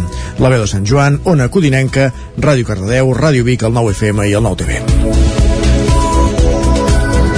Els contagis de Covid-19 segueixen a l'alça, però des de la Generalitat treballen amb la previsió que s'estabilitzin abans de Nadal. Pel que fa al passaport Covid, finalment entrarà en vigor aquest divendres. La Generalitat preveu que les properes dues setmanes els casos de Covid-19 aniran a l'alça, amb un increment d'hospitalitzacions, però que els valors s'estabilitzaran abans de Nadal i es podran celebrar les festes amb relativa normalitat. Abans que arribin els dies assenyalats, això sí, tant el conseller de Salut com la secretària de Salut Pública demanen prudència i respectar al màxim les mesures de prevenció tant en trobades socials com en les celebracions i sopars d'empresa típics d'aquesta època de l'any. A Osona les xifres de moment no s'han disparat, però al Ripollès, tal com detallarem de seguida amb Isaac Muntades des de la veu de Sant Joan, continua sent la comarca amb pitjors indicadors. En tensió també per la previsible arribada de la nova variant Omicron a Catalunya, el govern de la Generalitat va anunciar ahir al vespre finalment que el passaport Covid per accedir a la restauració, gimnasos i residències entrarà en vigor aquest divendres a la mitjanit. L'anunci el va fer el conseller de Salut, Josep Maria Argimon, en una compareixença al Palau de la Generalitat, on també va demanar que la gent es guardi el document per no haver-lo de tornar a baixar cada cop. Argimon va detallar ahir que ahir hi havia 6.000 entrades per minut a la pàgina web de la Meva Salut. Recordem que el govern va suspendre l'obligatorietat d'ensenyar el passaport Covid divendres perquè la pàgina web s'havia saturat des de dijous, quan el Tribunal Superior de Justícia de Catalunya havia avalat el seu ús. Ja aleshores, però, la voluntat era tornar-lo a activar com abans millor. Com bé deia Jordi, la situació s'agreuja al Ripollès. L'Hospital de Can de Bànol ja té 10 pacients ingressats per coronavirus, però els indicadors de rebrot del virus comencen a caure. Isaac Muntades, des de la veu de Sant Joan. Tot i ser molt dolenta, la situació epidemiològica del Ripollès pel que fa a la Covid-19 ha millorat lleugerament en els darrers dies. Per exemple, l'índex de risc de rebrot ha baixat gairebé 300 punts i se situa al voltant dels 1.330. La taxa de propagació del virus URT també cau en picat dels dos punts fins als 1,19. El que sí que preocupa són els positius detectats de l'última setmana registrats registrada, la del 18 al 24 de novembre, que s'enfilen fins al 153 i amb una taxa de positivitat del 10,5%, més del doble de l'ideal per tenir el virus sota control. El gerent de l'Hospital Comarcal del Ripollès de Can Davano, Joan Graner, apuntava que el centre hospitalari ja té una desena de pacients ingressats i que en les darreres setmanes van comptabilitzar-se més d'una cinquantena de casos nous, passant de 83 a 135. D'altra banda, va morir una persona més i ja s'han produït 89 defuncions al Ripollès. També se'n van derivar 5 a altres hospitals perquè necessitaven teràpies intensives respiratòries. Graner es va mostrar molt favorable la implantació del passaport Covid per evitar que els no vacunats puguin contagiar els que sí que ho estan. Jo ho haguessin fet abans. Estem en una societat i jo crec que aquesta societat el que s'ha de protegir d'aquells que no volen participar d'allò que és normal fer, no? Ja et dic, hi ha el 17-20% de la població, almenys a la comarca del Ripollès, que no està vacunada. I estem, estem parlant de majors de 15 anys. Eh? Val la pena que la gent que no està vacunada, que no s'ha volgut vacunar, perquè la gent no s'ha vacunat perquè no ha pogut vacunar-se. Però la gent que no s'ha volgut vacunar, jo crec que ens tenim que protegir la resta de la població d'aquestes persones, perquè són font de probables contagis. Poden ser ells portadors del virus, però no, no desenvolupen la malaltia, però ells van transmitent el virus als altres, no? A la comarca ja hi ha més d'un 76% de la població, un total de 19.248 persones que se'ls ha administrat la pauta completa de la vacunació i un 11% dels habitants que han rebut una tercera dosi. Són aquelles persones que han perdut progressivament la immunitat perquè van ser els primers a vacunar-se, com la gent de més de 80 i de 70 anys o els que vivien en residències. A partir del desembre ja es preveu vacunar els majors de 60 anys i a tot el personal sanitari. Graner va apuntar que segurament caldrà vacunar-se cada any o cada dos del virus i que els casos més greus que tenen al centre són de gent no vacunada. El gerent de l'hospital també va dir que el virus li agrada el fred i que la gent es mogui i estava preocupat pel que pot passar pel pont de la Puríssima. Graner va dir que caldrà implantar mesures més contundents si els contagis no es frenen. Gràcies, Isaac. Anem a Cardedeu, canviem de qüestió. Durant aquesta setmana s'han deixat bústies liles a diferents espais de Cardedeu perquè de forma anònima es puguin explicar i denunciar agressions masclistes. A més, s'ha posat nom als 70 feminicidis que hi ha hagut a l'estat espanyol durant aquest 2021. Núria Lázaro, des de Ràdio Televisió de Cardedeu. Cardedeu Feminista i l'esquerra independentista Arran van organitzar l'acte del 25N a Cardedeu. Des d'Arran van posar unes bústies per dipositar agressions masclistes i es va fer la lectura d'algunes d'elles de forma anònima. També ho van fer així les companyes del Boulder. L'artista local Eva Rizabalaga també va voler llegir l'agressió masclista que va patir quan tenia 6 anys i explica també una acció reivindicativa que ha tirat endavant. Eva Rizabalaga. Resulta que fent classes amb, amb persones molt grans d'aquí de Cardedeu, una dona li va comentar a l'altra si recordava que quan eren petites senyor, el senyor Tomàs Balvei els ensenyava el peixet. Jo mai ho havia sentit així dir, lo del peixet, i vaig dir, escolta'm, això és el que m'imagino i elles van dir, sí, sí, però no ens feia res, eh? només quan li agafava un apretón i mira, me'n vaig anar a casa i vaig pensar, ostres, però jo visc a Gran Via Tomàs Balvei, que quina coincidència, no? i visc en una cantonada i tinc un cartell allà fantàstic posaré sota, se'm va acudir fer això de la carrer del Peixet. Des de Cardedeu Feministes va voler posar nom als 70 feminicidis d'aquest 2021 a l'estat espanyol, uns feminicidis que es recullen a la web Feminicidios, però que moltes vegades no compten com a tals. Des de Cardedeu Feministes s'ha volgut homenatjar aquestes víctimes i el dret a la vida, un acte simbòlic llegint el nom de cadascuna de les 70 dones assassinades i posant una espelma per elles. L'ara de Cardedeu Feministes feminista. M'agradaria que fos un dia que no s'hagués de reivindicar res. És un acte que vol recollir els feminicidis que hi ha hagut enguany, el 2021, i homenatjar aquestes dones eh, sobretot homenatjar el dret a la vida al final, sortim al carrer per defensar el dret a la vida, no el dret a ser valentes, sinó el dret a ser lliures. L'acte acabava amb l'actuació de la cantant Noa Indre i la cançó Si me matan de la Silvana Estrada. L'empresa Proquimi arriba als 50 anys. La firma bigatana, amb 6 plantes arreu del món i present a 20 països de 4 continents, ofereix serveis de neteja i desinfecció a empreses de diferents sectors. Dissabte passat va fer exacti, exactament 50 anys que l'enginyer químic Josep Maria Unyós de Plandolit i Serra Bou constituïa Proquímia. Era el 1971 i aleshores Unyós deixava enrere una trajectòria en una multinacional del sector, amb seu a Sabadell, on feia de director tècnic, per desplegar un nou projecte que avui opera a una vintena de països nous, amb una planta de producció a Vic i cinc més al continent americà, a banda d'una vintena de delegacions a Europa, Àfrica i Àsia. A partir de prop de les 500 formulacions químiques que tenen registrades, Proquímia ofereix solucions integrals de neteja i desinfecció en tres sectors. 50 anys després, el capital de la companyia continua sent 100% familiar i al capdavant de l'empresa hi ha ara la segona generació de la família, amb Carles Unyós com a director general. Proquímia va néixer en un bon moment de creixement econòmic i de seguida va aconseguir fer-se un lloc al mercat. Avui l'empresa bigatana té cinc plantes a Cuba, Costa Rica, la República Dominicana, Xile i el Brasil. La planta de Vic fabrica cada any prop de 25 tones dels diferents productes que comercialitza Proquímia, gairebé la meitat de tot el grup.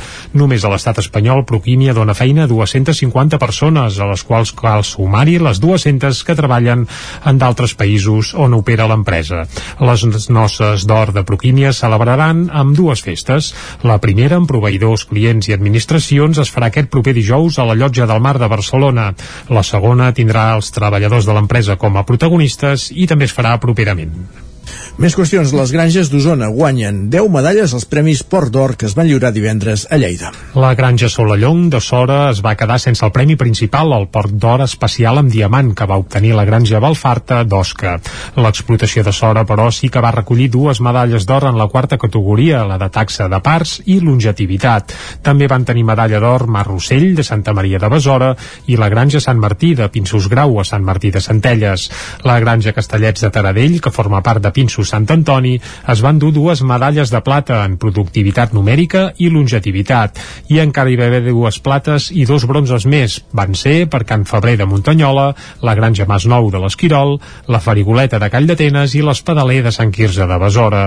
Els premis que reconeixen els millors ramaders de porcí a l'estat espanyol els convoquen anualment l'IRTA, Zoetis i Interporc. Comença el judici contra l'Ateneu Lluçanès per l'ocupació de la Torre Malla de Prats. Els responsables de l'Ateneu els va denunciar el BBVA, propietari de l'edifici, on tenia una oficina tancada fa 5 anys. Fa dos anys que diversos col·lectius van ocupar l'emblemàtic edifici de la Torre Malla de Prats de Lluçanès que comportava el naixement de l'Ateneu Popular de Lluçanès. L'edifici situat al centre del poble és propietat del BBVA, que fa uns 5 anys va tancar l'oficina que hi tenia per traslladar-la uns metres més enllà.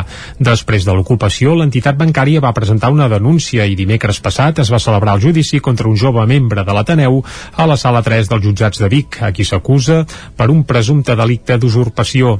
Segons expliquen des de l'Ateneu, el judici es va celebrar en una sala buida després que la jutgessa decidís que no volia gent a dins, tret de l'acusat, el seu advocat i l'acusació del BBVA, malgrat que les mesures Covid permeten que hi hagi públic.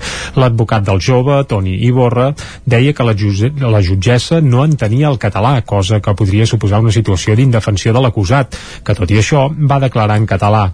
Malgrat tot, Iborra reconeixia que el judici havia anat bé i que la Fiscalia n'havia demanat l'absolució. Des de l'Ateneu també denuncien que no només els volen fer fora de l'espai, sinó que pretenen aturar les activitats que s'hi fan i posar bastons a les rodes a l'organització política del territori. El col·lectiu, que va celebrar el segon aniversari just el dia abans del judici, el conformen diverses persones i entitats, com per exemple el grup feminista La Fatillera, la Txella, la xarxa d'Economia del Lluçanès autogestionada, el Sindicat d'Estudiants dels Països Catalans que hi ha a l'Institut de Prats, el grup de Glosa o el Puig dels Aixuts. Durant aquest temps també l'ENS ha organitzat diverses activitats, cursos i tallers. Des del BBVA han declinat fer declaracions mentre la causa judicial continuï oberta. I anem fins a una cotinenca perquè Roser Udové, de Caldés, ha guanyat el Premi Bages Cultura, que era el campàs des d'Ona Codinenca. Sí, l'artista i gestora cultural de Calders va fer extensiu a aquest premi a tot el sector de les arts visuals que ho diu que ho tenen molt complicat per tirar endavant per extensió a tot el col·lectiu d'artistes eh, de la Catalunya central, concretament de les dues comarques, Valles Moianès, uh -huh. per, eh, per donar una visibilitat d'aquest sector que moltes vegades queda amagat o queda eh, amb, un, amb un segon terme davant de, a sota, darrere d'altres disciplines com pot ser el teatre, la música.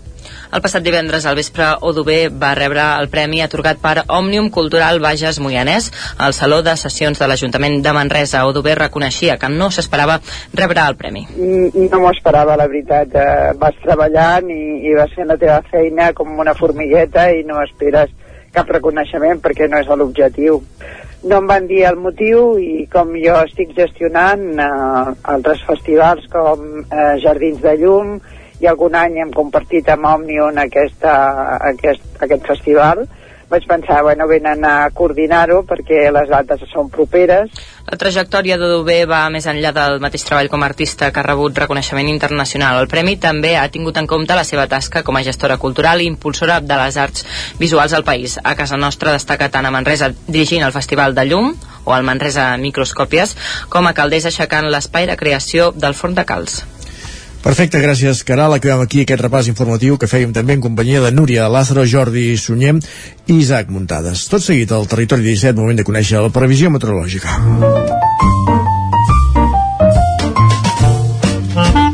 Casa Terradellos us ofereix el temps. I si parlem de previsió meteorològica, vol dir que hem de parlar amb el Pep Acosta. Avui, per cert, eh, parlarem més del temps, eh? També tindrem amb Manel Dot, l'altre meteoròleg de capçalera, que això sí ens visita un cop al mes per fer balanç del mes que deixem enrere. Ara, però, no parlarem de tot el mes, sinó que parlarem del dia d'avui i potser de demà amb en Pep. Bon dia, Pep. Hola, molt bon dia. Molt bona hora. Uh, hi ha una boira, es comença a formar una boira als comarques interiors, a les planes, i és que ha a més eh, durant la setmana ha a més aquestes boires i ja que el vent en calmarà i la situació serà una mica més calmada amb poques pertorbacions amb poc vent eh, es formen aquestes eh, boires. N'hi ha alguna però es dissiparà cap al migdia. Encara no seran boires aquelles molt intenses ni extenses. Cap al migdia amb la força del sol es dissiparan i és que serà avui un dia força assolellat algun núvol prim, algun núvol baix, però poca cosa, poca cosa en general. Poder més núvols cap al peritoral ara al matí, també última hora de, del dia, però sense cap precipitació. A les zones de muntanya tampoc cap precipitació, un dia força assolellat, els vents ja molt més fluixos, s'acaba aquest eh, vent de nord, vent de direccions variables i molt més fluixos, entre 20, 30, 40 km per hora tot estirar, eh, res a veure amb el temporal de, de torb de, del cap de setmana, eh, que ha sigut notícia, eh, a més ahir va, va morir una persona fins i tot de, eh, a la zona de de Ter, eh, molt males notícies, eh, el vent, el fred, eh, era molt intens i, i, i es va produir aquesta, aquesta desgràcia ahir a aquesta zona de, cap a Baiter doncs això, avui les circumstàncies són molt diferents ja, no hi haurà aquest vent tan, tan, tan fort, eh, molt menys vent i molt més sol també a les zones de muntanya. Eh, per tant, en conclusió, serà un dia avui bastant tranquil, amb unes temperatures, les mínimes que han pujat i les màximes que també pujaran una mica. Eh, farà més sol i la majoria quedaran entre els 10 i els 15 graus, òbviament molt més baixes les zones de muntanya, on voltant els 10 graus durant tot el dia. I això és tot, a disfrutar el dia d'avui, un dia bastant tranquil, un dia en què s'acaba aquesta injecció d'aire fred i un dia on no plourà a cap municipi de les comarques. Fins demà, adeu. Vinga, Pep, moltes gràcies. Doncs tranquil·litat. I tranquil·litat, exacte. Fred, però tranquil·litat. Ja va bé després de la setmana passada tan Mogut, mogudeta. De. Deixem-ho així, exacte. Va, ara res, una pauseta i quan passa un minut i mig d'un quart d'onze del matí, de seguida anirem cap a Cardedeu. Exacte, parlarem amb el seu alcalde, amb l'Enric Oliver, a l'entrevista. Territori 17. Envia'ns les teves notes de veu per WhatsApp al 646 079 023. 646 079 023. WhatsApp Territori 17.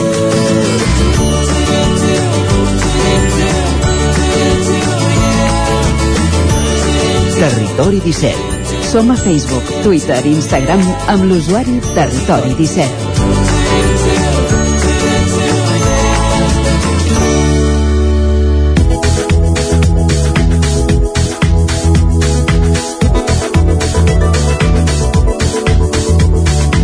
El Ministeri de Transports, Mobilitat i Agenda Urbana va anunciar la setmana passada la supressió temporal del projecte de DIF per instal·lar pantalles acústiques a les vies del tren. La pressió local ha aconseguit paralitzar l'actuació després que 24 municipis havien expressat l'oposició al projecte. Òscar Muñoz, des de Ràdio Televisió de Cardedeu, bon dia. Bon dia. Doncs sí, els alcaldes i alcaldesses dels municipis afectats de les demarcacions de Tarragona i Barcelona s'havien queixat en diferents ocasions i avui tenim amb nosaltres a l'Enric Oliver, alcalde de Cardedeu, per parlar més d'aquest projecte. Bon dia, Enric. Oh, bon dia a tothom. Primer de tot, era un projecte demanat per aquests municipis de, per eliminar eh, el soroll de, de les vies del tren? No, no, no, no era un projecte que partís de la nostra reclamació, sinó que era un projecte que venia eh, motivat per una directiva europea sobre avaluació i gestió dels sorolls ambientals que exigeix elaborar mapes estratègics de soroll sobre els grans eixos ferroviaris, és a dir, sobre aquells que superen mm, de molt les circulacions anuals mm, eh, habituals i per tant és una exigència europea. Val. I llavors com us veu com us veu enterar d'aquest projecte, ja que això no tenia res a veure amb vosaltres, com us veu enterar que volia fer aquestes obres tan, doncs, que poguéssim malmetre el paisatge urbà? Sí, aquesta, aquesta obligació estatal, diguéssim, que recau a partir d'aquesta directiva, com us deia, eh, va ser delegada pel Ministeri a la- a l'administrador d'infraestructures, Adif.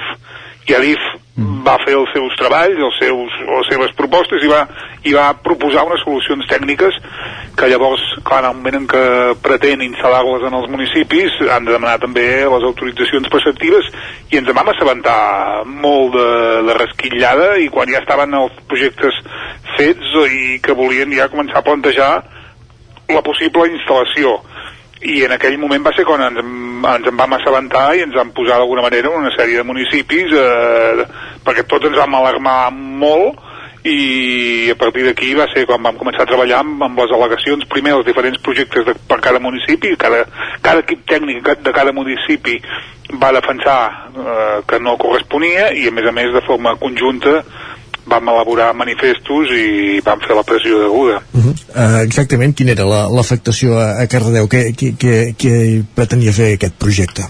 A Cardedeu la via del tren ens, eh, ens travessa el municipi de, de Ponent a Llevant i bueno, és una, és una, la via del tren passa al mig del municipi gairebé, no? I per tant aquesta proposta que plantejava Adif, eh, Adif eh, no tenia en compte doncs, els valors urbans, la possible seguretat o inseguretat que creava el fet de, de posar murs de protecció del soroll de les vies, l'accessibilitat, els espais d'aparcaments, l'assolellament i el gaudi visual d'un d'un paisatge urbà digne, doncs tot això ens va alarmar moltíssim, perquè el soroll evidentment que s'ha de tractar i s'ha de buscar com es repara i com s'evita, però no posant portes al camp d'alguna manera, no posant elements tan distorsionadors del paisatge urbà. Ens incomodava molt poder veure un mur que, que per, si de per si la via del tren ens parteix el municipi en dos i és un hàndicap que tenim, el fet de posar-hi més a més un mur ja faria, ens establiria dos, dues poblacions diferents gairebé. Uh -huh. Quina seria la solució des del vostre punt de vista? La, la solució passa, evidentment, per que la contaminació acústica eh, s'eviti allà on es produeix.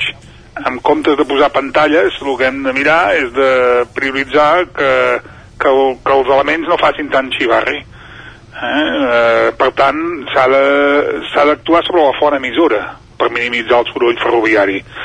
Sobre les rodes, sobre les vies, sobre les catenàries, sobre, sobre els frens, eh, clar, són elements eh, estructurals que ja entenc que els hi és molt més fàcil a DIF instal·lar una pantalla comprar milers de pantalles i uns equips d'operaris ferms perquè instal·lin quilòmetres i quilòmetres al- arran de via que no pas canviar els seus, les seves màquines i els seus vagons i les seves vies. Ja entenc que segurament és molt més fàcil i ràpid, però no és la solució, per, és matar mosques a canonades de no actuar sobre l'emissor del soroll. Uh -huh. eh, havies comentat que bueno, el, el tren doncs, passa pel mig del poble eh, just al terra municipal separant els barris com els Estalvis Bellavista en Poble Sec i la Granada així per resumir-ho eh, havíeu rebut queixes dels veïns per aquesta contaminació acústica?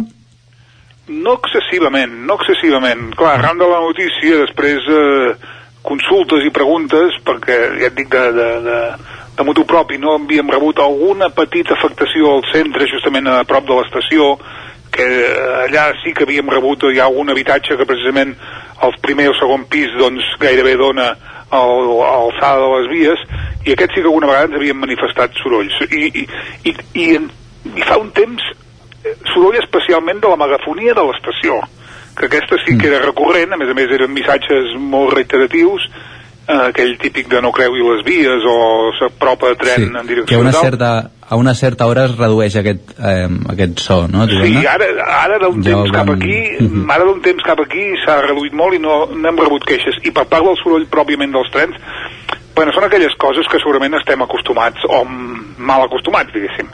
O ens han acostumat a base de, de clatellats, i la gent no se'n queixava d'aquest soroll del tren, com tampoc es queixa la gent del soroll segurament d'un vehicle de motor perquè ja el té interioritzat i, i li sembla normal, però no ho ha de ser normal i per tant sigui benvinguda aquesta obligació de minimitzar el soroll però fem-ho bé, fem-ho bé Uh, un cop aturada, aturada l'obra, tu- aturada el projecte, uh, què, què n'esperen? Entenc que la mesura, uh, per, des del vostre punt de vista, que havíeu presentat al·legacions, és, és la, que, la que esperàveu. Ara que- s'obre algun procés de negociació amb Adif, diguéssim, per, per poder replantejar el projecte o, o, o que us escoltin més en aquest aspecte? Sí, nosaltres vam crear un grup impulsor entre diferents municipis, eh, en aquest cas de- d'ajuntaments, cadascú d'una zona concreta, i aquí en aquest grup impulsor hi ha Mataró, Cardedeu, Tarragona i Vilanova i la Geltrú. Cardedeu en aquest cas era com a representant de la R2 Nord.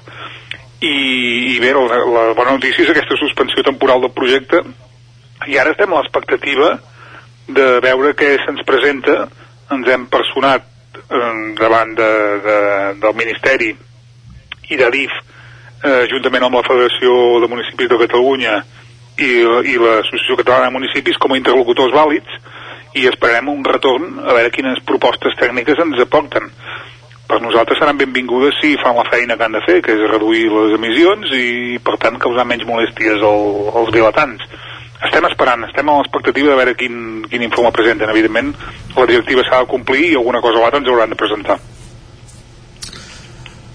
Perfecte, Òscar, alguna pregunta més? Doncs així ja per acabar eh, saps quan serien aquestes, bueno, aquest projecte va per llarg eh, no hi ha cap data així que es pugui concretar, no? No, però eh, entenem que hi estan posats perquè de la mateixa manera que un dia per l'altre sense, previ, sense previ avís ens van presentar un projecte de, dels, dels panells acústics també cre i per tant creiem que estan pressionats per la directiva i que en qualsevol moment també portaran noves propostes però no hi ha data prevista Perfecte.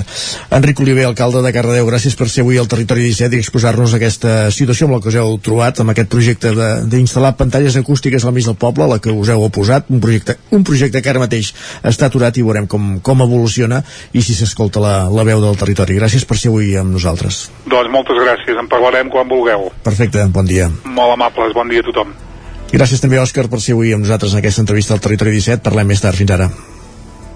Fins ara.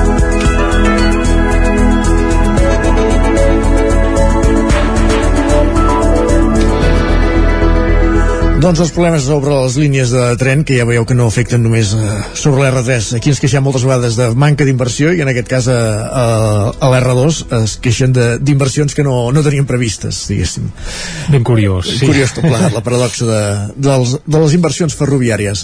Arribem al punt de la pausa en aquesta segona hora del Territori 17. 3 minuts i tornarem, com sempre, amb les piulades amb en Guillem Sánchez, que ja el tenim aquí a punt, amb la taula de redacció i acabarem aquesta segona hora del Territori 17 parlant del temps, no amb en Pep Acosta, sinó amb en Manel Dot. I encara ens faltarà una hora més de programa per parlar d'economia, de trens, de l'R3 i també, com no, del racó de pensar des de la Ràdio Televisió de Cardedeu. Tornem d'aquí 3 minuts. Fins ara mateix.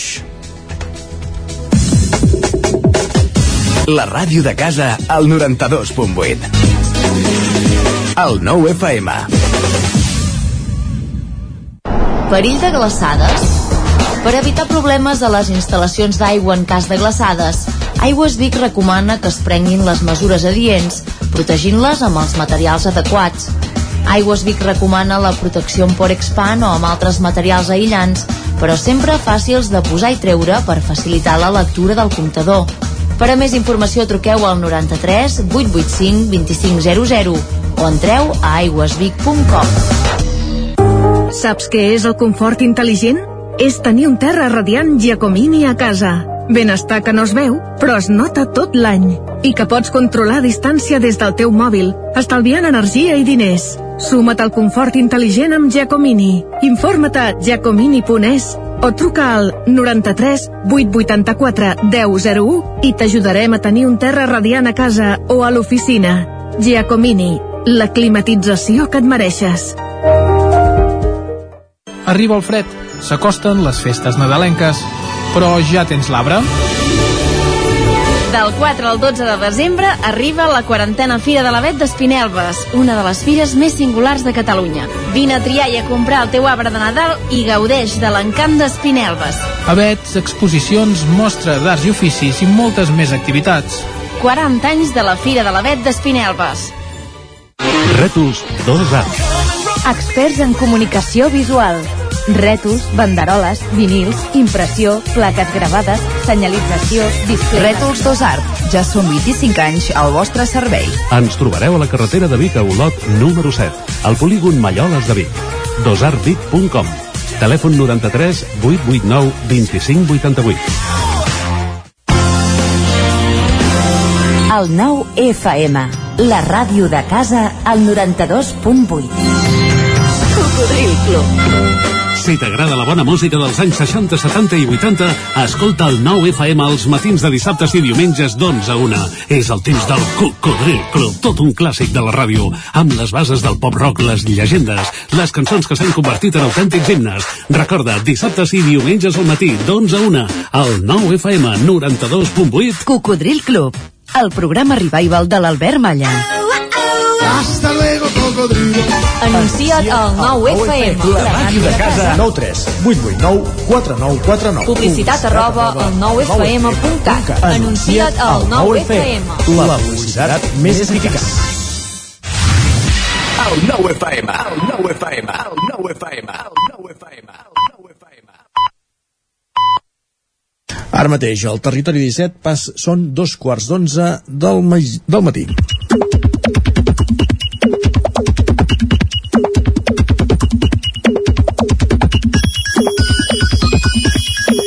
I aquesta és l'hora que cada dia ens acompanya en Guillem Sánchez per portar-nos al món de Twitter. Què tal? I en Guillem ja el tenim aquí. Correcte. Ben retornat. Ahir feia festa, eh? Què vas fer, Guillem? Vas anar a Espinelves, què n'has per de fer? exemple? Què n'has de fer? De què vas? No, no, no, est- estàvem fora del, del regne espanyol, estàvem visitant terres britànic, Imagina't. britàniques. Ah, clar, carai, carai, goita, que, que que el teníem. Va anar bé, sí? Va anar molt bé, molt de fred, però va anar molt bé. Val com aquí, no? Problemes amb el passaport Covid? No, no, no, de moment tot, tot en ordre i tot ben, tot ben posat. Doncs, goita, ja sabem que... Va, on eres, Guillem? On vas? Liverpool, Liverpool. Liverpool, home, i vas aterrar a aquell aeroport on hi ha un submarí groc eh, a la sortida. Correcte, i em va sorprendre que no fos tan gros com la ciutat del, del sí, costat és, o és no més petit situat. que Girona, el de Correcte. Girona, sí, sí, un aeroport eh, petitó i recollidet, però vaja uh, molt bé, no ens expliquis pas les teves aventures a Liverpool uh, i vas anar pels Beatles o pel No, no, no.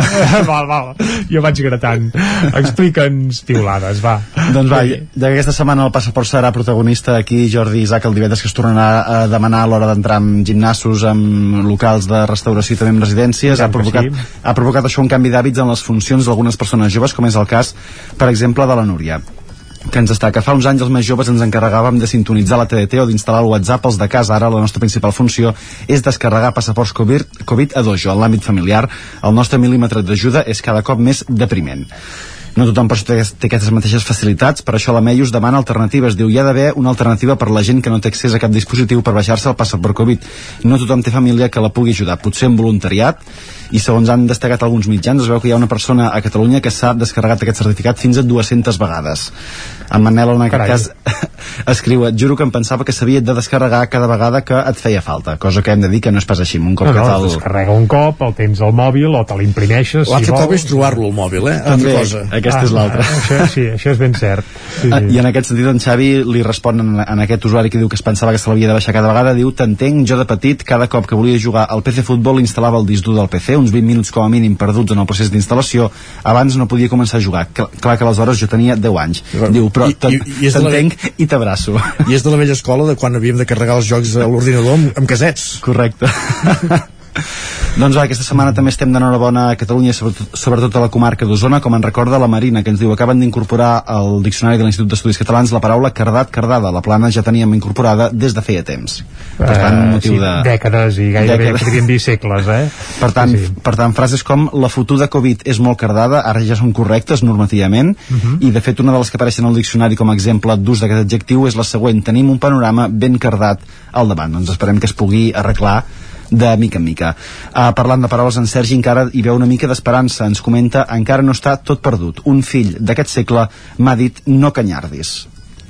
Paraula Bé. que fèiem servir, almenys jo també quan, era, Sí, quan sí, érem petits i jugàvem. un xut eh, fort amb la pilota en el cas del futbol. Va, I canvi, seguim. canviant de tema, hi ha dies en què canvien també les rutines i no tothom hi està acostumat. Quan baix, un usuari ens comenta quan et poses les alarmes sense tenir en compte que avui baixes a Barcelona en cotxe. Començo la setmana meravellosament bé, arribant tard als puestos. S'ha de tenir en compte si, si has de fer... no ho han acceptat, eh, encara. De moment el, encara no. El diccionari, val, fantàstic. I qui tampoc ha començat massa bé la setmana ha estat l'Eric, en el seu cas per altres motius. Ens escriu, porto la tarda massa moix. 8 dels 17 alumnes m'han suspès l'examen després d'haver facilitat tot el procés preparatori. Una setmana de repàs, hores convingudes i una mini prova amb les mateixes preguntes. I ara reflexiono i penso, potser és que realment no han volgut aprovar.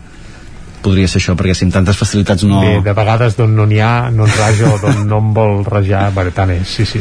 I si no acabes d'estar del tot bé, com ens deia l'Eric, que estava una mica moix, tens dues solucions. Una pot ser sortir a córrer, sortir a fer esport, com en resumeix, per exemple, l'Anna, en diu anar a fer esport quan estàs trist va molt bé perquè així pots comprovar com el teu estat físic encara és més lamentable que el teu estat emocional. És una I- manera de...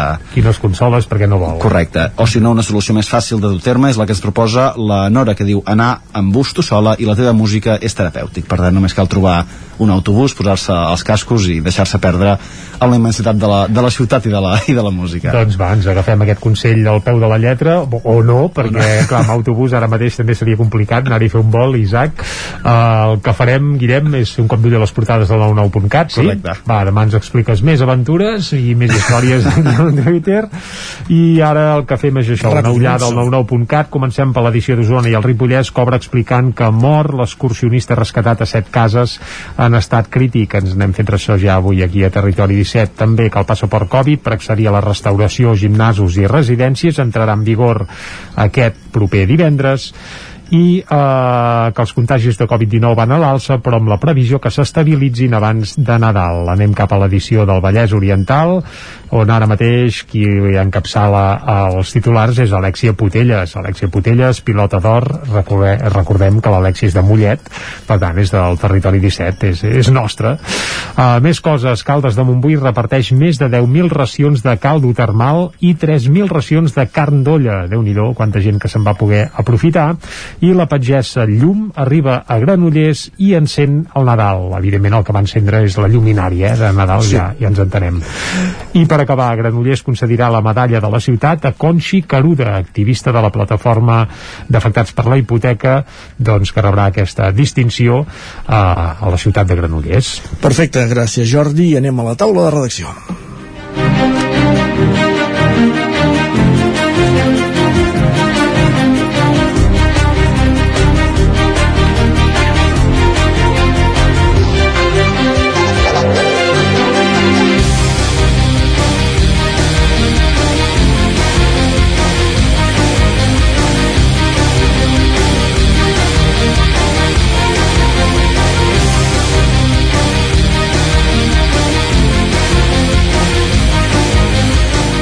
Sis minuts i mig que passen de dos quarts d'onze, moment d'entrar a la taula de redacció. Avui en Guillem Rico i Jordi Vilarrodà. Guillem, parlem del ple que va haver-hi ahir a l'Ajuntament de Torelló amb un monotema, un ple monogràfic pràcticament, per parlar d'aquest semàfor que està posant Torelló eh, al dalt tot de la fama els darrers dies per, per aquest semàfor que posa multes quan passes de més de 20 km per hora o no Oi.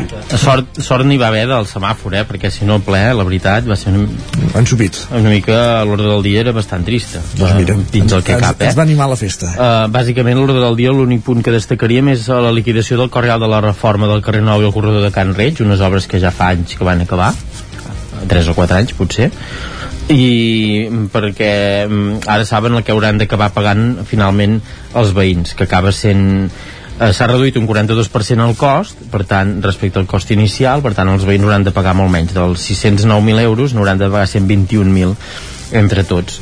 Havien d'assumir el 80, del 80% de la de, la, de les obres i al final doncs seran aquests aquest, aquest 20% només uh -huh. uh, del que respectava inicial. A part d'això, una moció de Junts per Cat sobre els gossos perillosos Uh, per fer campanyes per, sobre això. I llavors el, el tema estrella que és el carrer Sant Bartomeu. Uh, els grups de l'oposició van demanar sobre sobre això, sobre uh, aquestes queixes de del carrer Sant Bartomeu i d'algunes disfuncions d'alguns veïns de, que tenen a, que entren al nucli antic. Um, això van demanar des del PSC van demanar un informe de l'empresa que ho fa. Des de Junts doncs també um, es van interessar pel procediment que s'haurà de seguir uh, per anul·lar les multes eh, per assegurar també que no se'ls hagin tret els punts. I des de la CUP Francesc Manrique el portaveu doncs va ser bastant punyent, diguem Uh, això, um, ells també recordeu que uh, ells també havien proposat aquell canvi de, de, es va fer aquell canvi de, de sentit al mandat passat del carrer eh, que ells veien bé, llavors no veien bé que, que es canviés, van dir que Esquerra llavors quan estava a l'oposició havia encès en part la metge de tot plegat del que ha passat ara, quan van anar-se a fer una foto eh, demanant el canvi de sentit de, del carrer Sant Bartomeu, que es van fer una foto eh, l'exregidor Jordi Casals i en Xavi Lozano, que encara és regidor ara, ara en aquest cas a l'equip de govern, amb un senyal eh, d'aquests de, de direcció, d'aquests blaus eh, eh, davant del carrer demanant aquest, aquest canvi.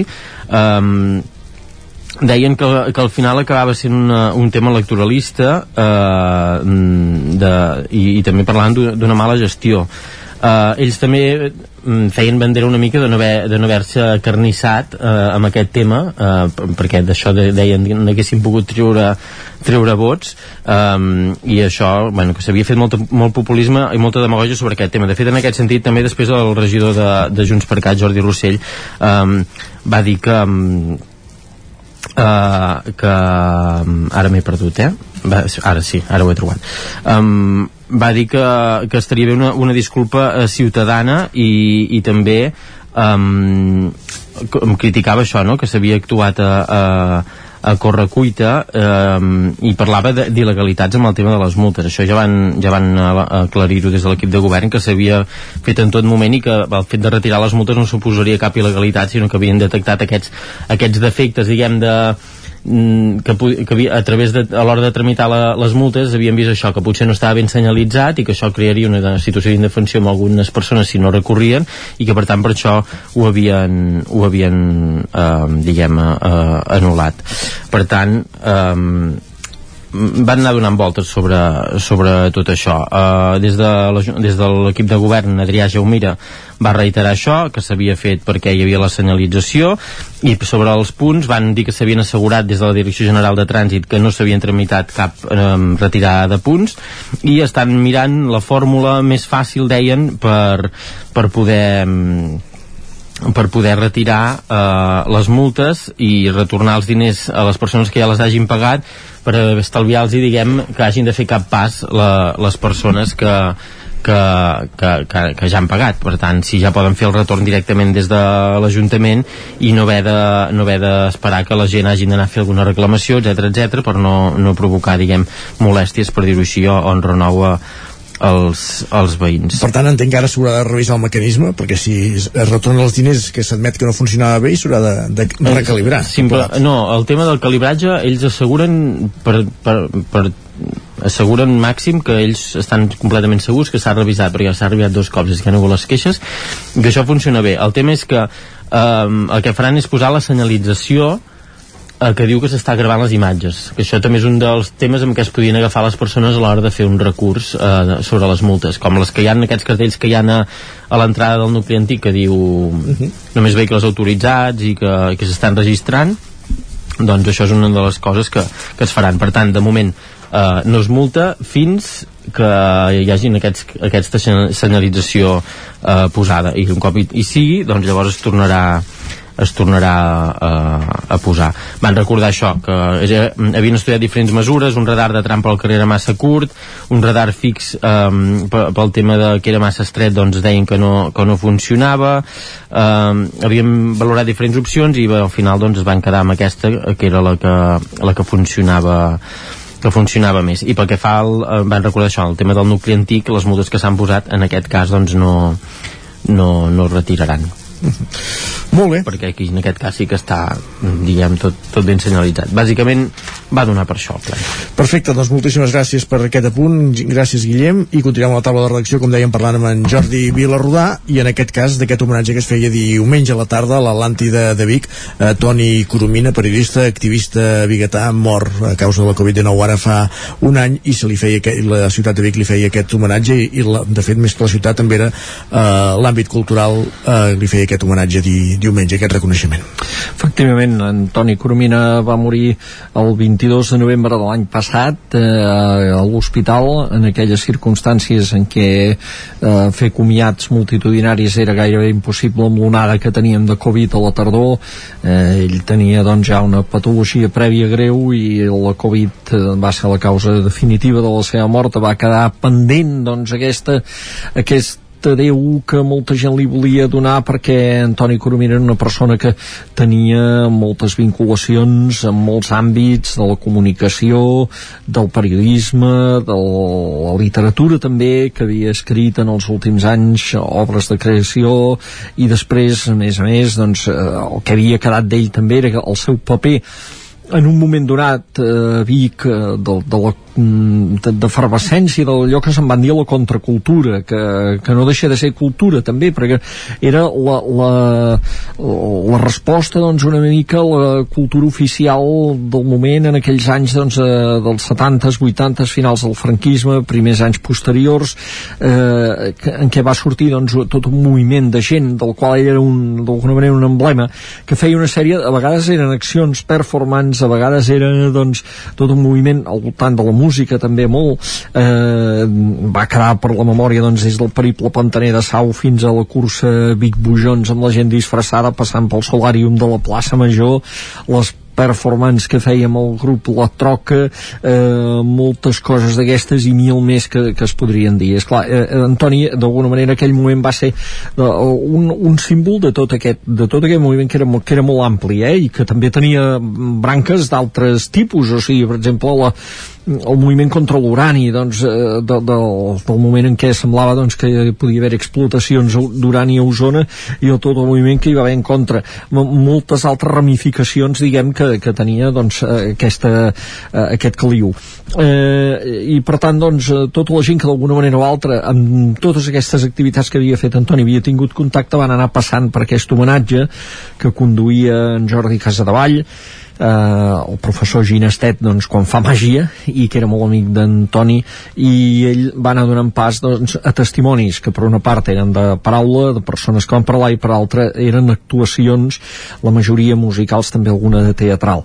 Eh, i van passar des del Manolo García i el Quimi Portet que van explicar doncs, per exemple com Antoni els havia ajudat en el moment en què eren los burros encara no eren l'último i no tenien ni un duro per fer un disc eh, fins al gran actor Albert Albert Vidal que va representar un petit monòleg que havia escrit el mateix Toni Coromina passant pel Rafael Subiracs que també va estrenar eh, va presentar una peça de piano que havia fet a memòria, a memòria d'ell. Eh, la coral Vajillas una coral surrealista que ara ja no està activa però que en el seu moment doncs, també havia fet havia tingut molt de ressò aquí i molts testimonis eh, doncs el periodista Jaume Collell per exemple que va recordar doncs, quan eh, ell i Antoni Coromina feien un suplement humorístic a la Vanguardia el Burladero, el Burladero. mític també o, o en Pep Palau doncs que eh, o també el Jesús Soler doncs, l'expresident del grup de defensa del Ter perquè Antoni havia tingut tota una vessant també de, de suport amb, amb grups eh, amb grups ecologistes. Eh, per tant molt molta gent molt diversa, eh, com es veu amb tot això que dèiem, és, és gent que d'àmbits molt diferents que pràcticament deies és que només poden confluir en un homenatge a una persona com Antoni Coromina.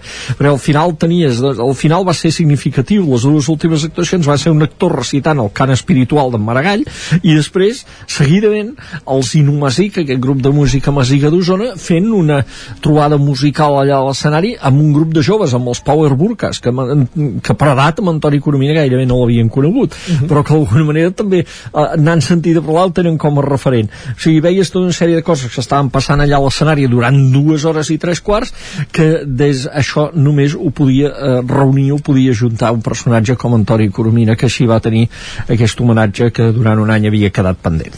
Doncs queda fet i ens n'hem fet ressò avui també a la taula de redacció aquí al Territori 17. Gràcies, Jordi.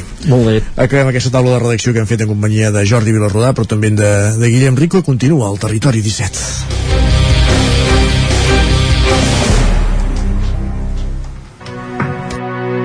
Territori 17 El nou FM, la veu de Sant Joan, Ona Codinenca, Ràdio Cardedeu, Territori 17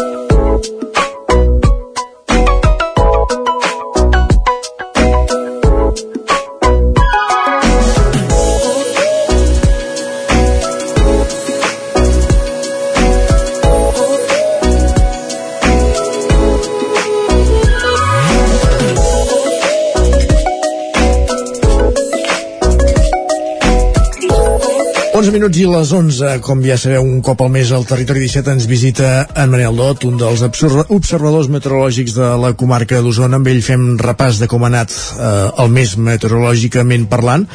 Bon dia, Manel. Hola, bon dia. Fa un mes ens avançaves que el novembre seria mogut i ho ha estat. Han baixat temperatures, hem tingut una llevantada, hi ha hagut aigua, eh, una mica el que tocava, no? Suposo. Dues llevantades. Dues, imagina't. sí.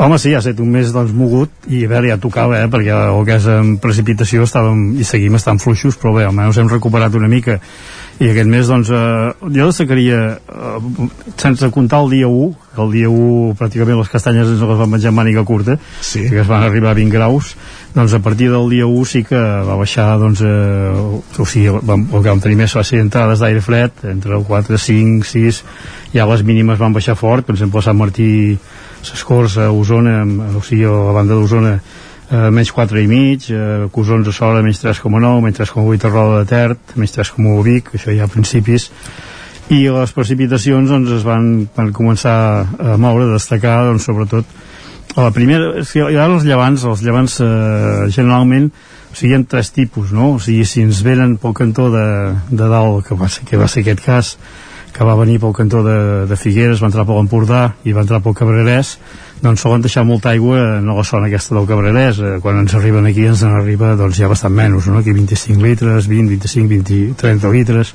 Però en canvi el que és a dalt el Cabrerès doncs eh, bueno, va descarregar i amb força 70, per exemple 78 a Cantoni Gros 95 a dalt al Santuari de Cabrera a Rupit amb 50 litres això va ser aquesta primera llevantada en canvi Collsospina ja va, Collsospina ja va tenir menys 24 litres eh, Vidrà també cap al Vidranès de Unidor 70,2 litres o Esquirol 67,4 o sigui l'altra llevantada seria o sigui l'altre l'altre cantó que ens apreta fort bueno, que, arriba, que arriba aigua també però que no arriba tanta és la llevantada quan ens ve pel cantó del Montseny això va ser doncs aquesta última, última llevantada que vam tenir que déu nhi una llevantada doncs extraordinària, va ser de les bones de les d'abans, i el que deien que no hi havia llevantades, doncs mira, aquest mes dues de cop. I no, va fer, i no han sigut mal. Ja anava a dir, pluja molt ben caiguda. Eh, de fet el llevant ho sol fer sol deixar pluja bastants dies eh, ben caiguda i l'únic que clar, va acumulant, va acumulant i és quan arribaven i al final arribava doncs a, a,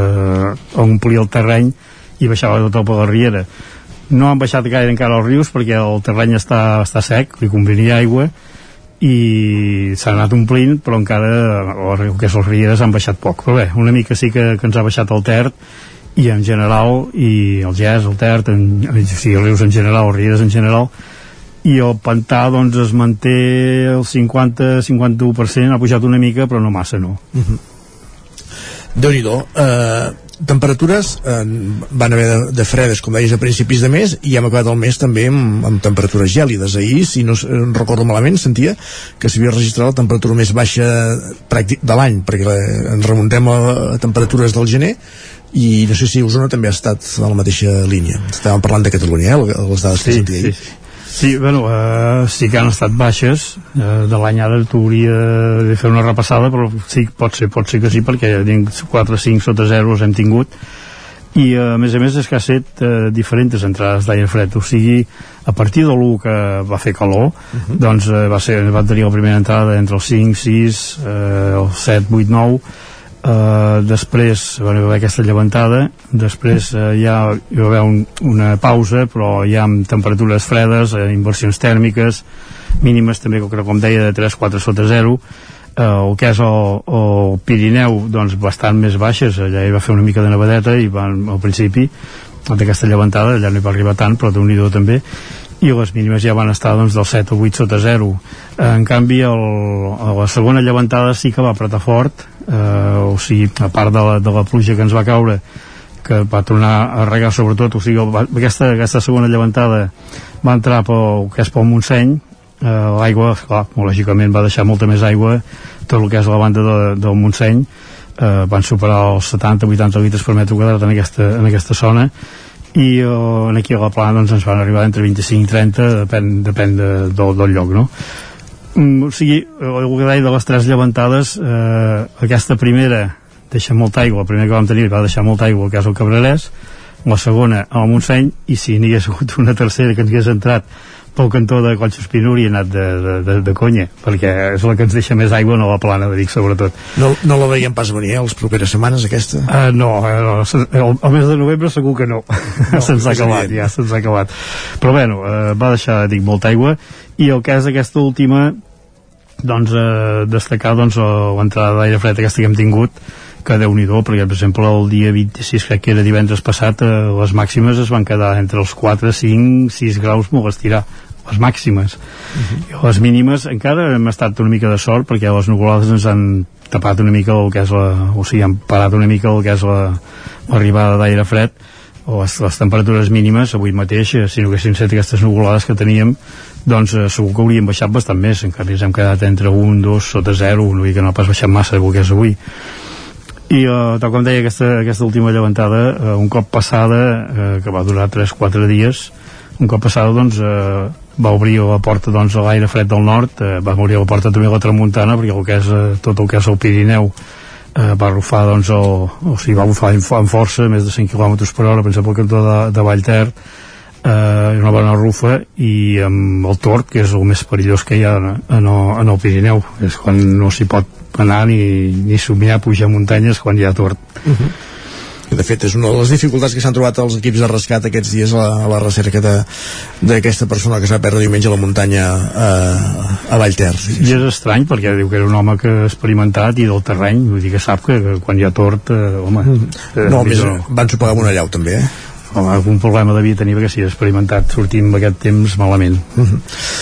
uh, podem fer algun vaticini o preveure, si més no, les properes setmanes cap on, cap on anirem meteorològicament parlant? Doncs eh, sí, l'únic que espera't abans de que acabi... Ai, sí, perdona. Eh, no, sí, sí. m'he descuidat de passar els litres totals del mes. I tant. Tot que avui no plourà pas, ja podeu apuntar-los. Eh, doncs allò que dèiem, hem recuperat bastant, sobretot el que és el Vidranès, Cabrerès, eh, per exemple, a Vidrà, el total del mes ha set de 142,4 litres, Viladrau 130,4 a la banda de l'Esquirol cap a Cantoni Gros amb 126,4 a dalt el santuari, el santuari de Cabrera amb 155,4 o per exemple Espinelves a 115,2 eh, el que és a la plana doncs eh, ceba, a ceba els roures amb 80 litres, a Manlleu 78,4 o Vic amb 60,4 el, que és la a Vic la, eh, hem superat el que és la, la climàtica que és de 51,63 per poc, però bueno, eh, ha anat bé.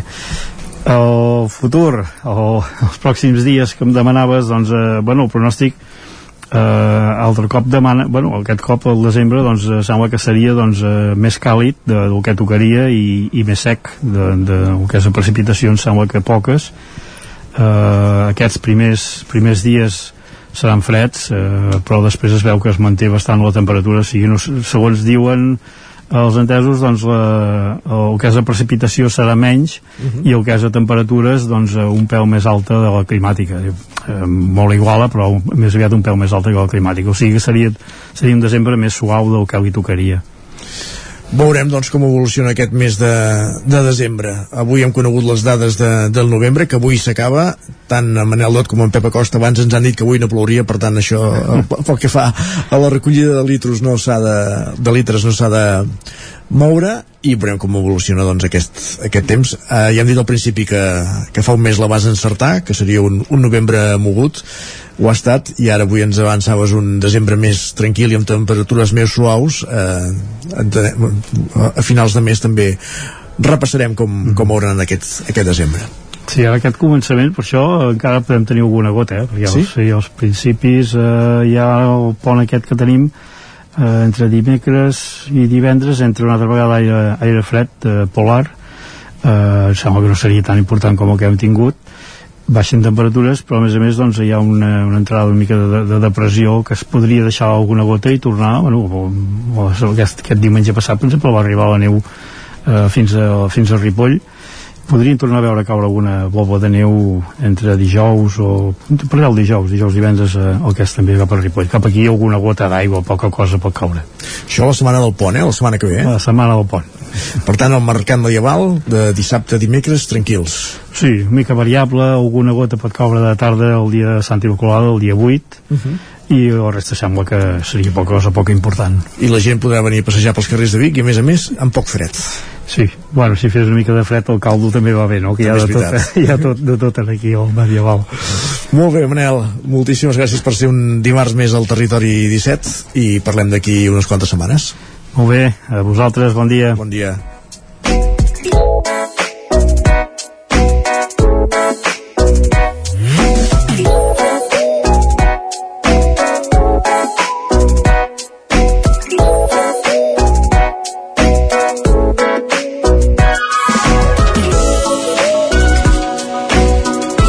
Doncs havent repassat la situació meteorològica del mes de novembre, arribem al final d'aquesta segona hora del Territori 17. A les 11 ens posem al dia més notícies, com cada hora aquí, com cada dia al Territori 17, i acabem i abordem la tercera hora parlant d'economia, de, de la inflació, dels preus.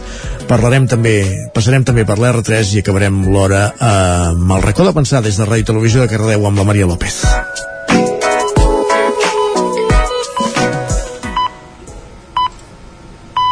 I ara, com dèiem, moment de posar-nos al dia quan són les 11 al Territori 17. Territori 17, amb Isaac Moreno i Jordi Sunyer.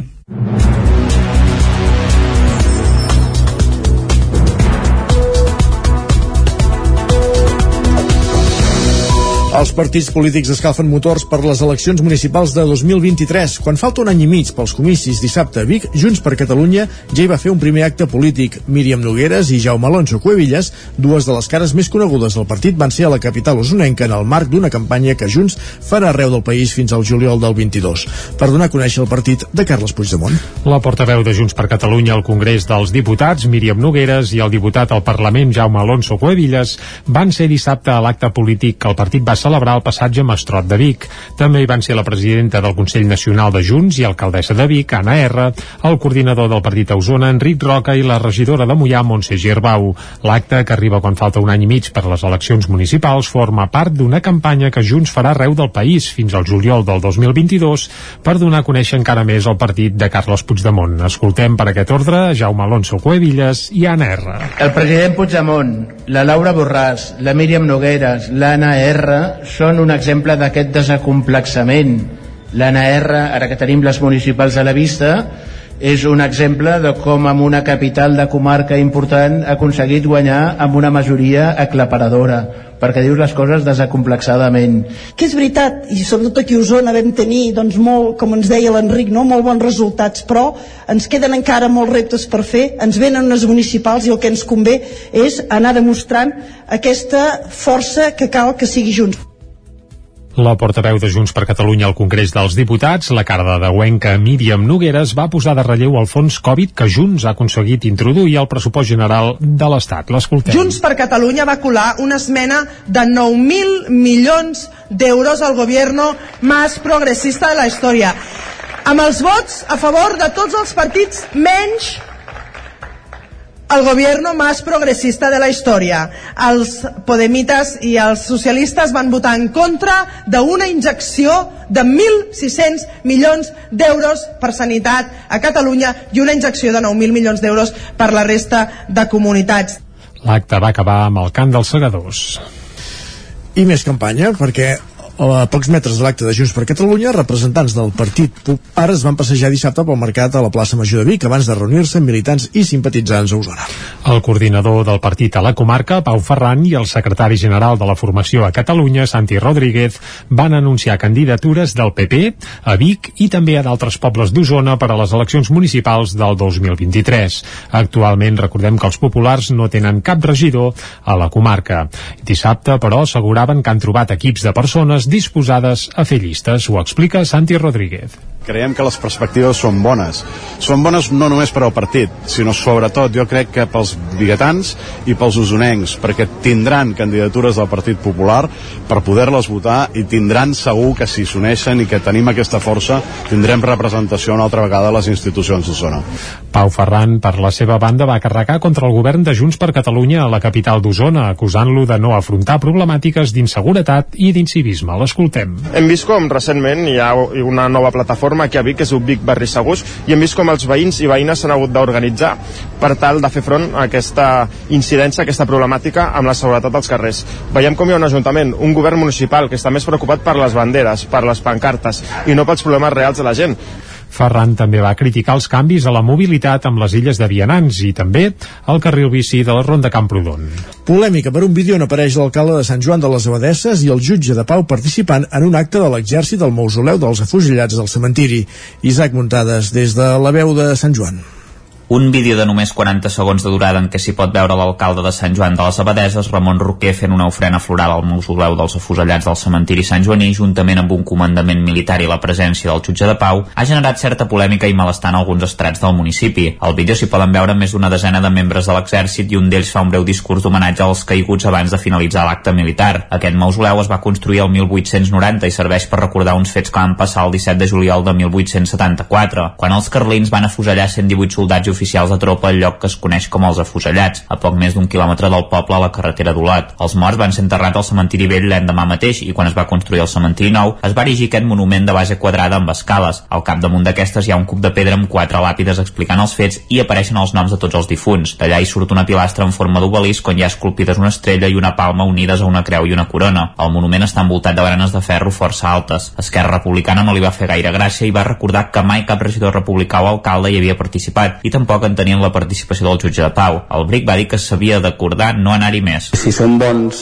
per sortir a la plaça Major i a reivindicar doncs, els drets que portem anys últimament doncs, reivindicant a la plaça Major, per cortesia anar a aquell homenatge al cementiri entenem qui ha enterrat allà dues coses, eh? exèrcit més uns afins a unes causes que en cap cas són aquelles que reivindiquem quan estem a la plaça i no participar doncs, determinats homenatges doncs, que costen de pair en ple segle XXI. No? Ens estalviem imatges doncs, que creiem, bàsicament, que no calien. Roquer va explicar el motiu de la participació en l'acte. És un acte que es ve fent des de fa molts anys. Sempre l'exèrcit ha invitat, en aquest cas l'Ajuntament, a participar-hi i en certs moments, o en alguns moments, hi han participat doncs, alcaldes del consistori, han participat regidors. Jo crec que per cortesia eh, s'hi ha vingut participant de forma discontínua, no contínua. Hi ha anys que s'hi ha participat, anys que no, per tant no, no s'ha seguit, jo crec, una norma massa clara sobre si sí, si no. L'alcalde va veure amb bons ulls els debats per prendre un acord per tal de no assistir més a aquest tipus d'actes.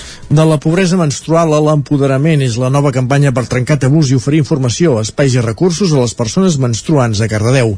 Núria Lázaro, des de Ràdio Televisió de Cardedeu. A través de vídeos i imatges informatives i impactants, aquesta campanya d'equitat menstrual pretén trencar tabús, pal·liar la feminització de la pobresa i apostar pel medi ambient. Entre d'altres accions es repartiran calces menstruals a totes les alumnes de primer d'ESO i copes menstruals a les joves d'entre 16 i 20 anys. Crearan un banc de productes d'higiene menstrual per a persones vulnerables i es facilitarà punts salubres pel maneig de la regla. Tota la informació de la campanya i les accions les podeu trobar a equitatmenstrual.cardedeu.cat. Durant anys, la menstruació ha sigut un procés biològic que viuen les dones des de la vergonya i el tabú. La manca d'informació pública clara i oberta i la manca d'interès també ha col·laborat a que hi hagi un munt de prejudicis al voltant de la menstruació sense validesa científica i que han tingut un impacte en la salut sexual i reproductiva de nenes i dones tant físiques com emocionals, amb l'objectiu de pal·liar algunes discriminacions associades a la menstruació, alhora que promoure un diàleg públic sobre el cicle menstrual i la salut sexual i reproductiva de les dones i de les persones menstruants, l'Ajuntament de Cardedeu posa en marxa la campanya de la pobresa menstrual a l'empoderament. La campanya aborda una realitat social i col·lectiva amb voluntat transformadora, facilitant la informació, espais i recursos a aquelles persones menstruants que així ho vulguin. Una campanya d'equitat menstrual per una menstruació digna per a tothom. Berta Relats de Lliçà d'Amunt s'endú un dels premis de la Festa de les Lletres Catalanes d'Òmnium organitzada aquest divendres a Caldes de Montbui. Caral Campàs, des d'Ona Codinenca. Les joves van dur el 21è Premi de Sociolingüística del Vallès Oriental gràcies al seu treball de final de grau al català com a llengua vehicular de l'ensenyament entre la teoria i la realitat, realitzat amb el seguiment del seu tutor, Vicent Climent, a la Universitat Pompeu Fabra. Un estudi on ha tocat una qüestió d'estricta actualitat, després que recentment el Suprem confirmés l'obligatorietat de donar un 25% de les classes en castellà a les escoles catalanes. Sentim Berta Relats. És, bon, el, el treball és fruit del meu treball de final de grau de Llengües Aplicades a la Universitat Pompeu Fabra i que vaig, vaig presentar el passat juny i, i bé, trobo que és, és un treball molt, molt candent, és, és un tema ara que és molt sobre la taula. Uh, és un treball que se centra en els usos lingüístics del professorat del Vallès Oriental analitzant la situació de 12 centres educatius de realitats sociolingüístiques diverses de la comarca. Segons relats, el seu treball posa malauradament de manifest el retrocés del català com a llengua vehicular a l'escola. I, I bo, i mostra això que, que el català realment retrocedeix ja no només l'ús social en general, sinó aquí queda clar que retrocedeix també en l'alumnat i en, en el professorat, que és la part que sorprèn més um, davant d'aquesta situació. Un altre dels guardons atorgats va ser el 32è Premi de novel·la del Vallès Oriental que va rebre Teresa Saborit de GURB pel secret del meu nom. Uh, per l'elevada participació de novel·la també es va concedir un accèssit a Casa Gila de Modit Grau, una reconeguda coreògrafa barcelonina.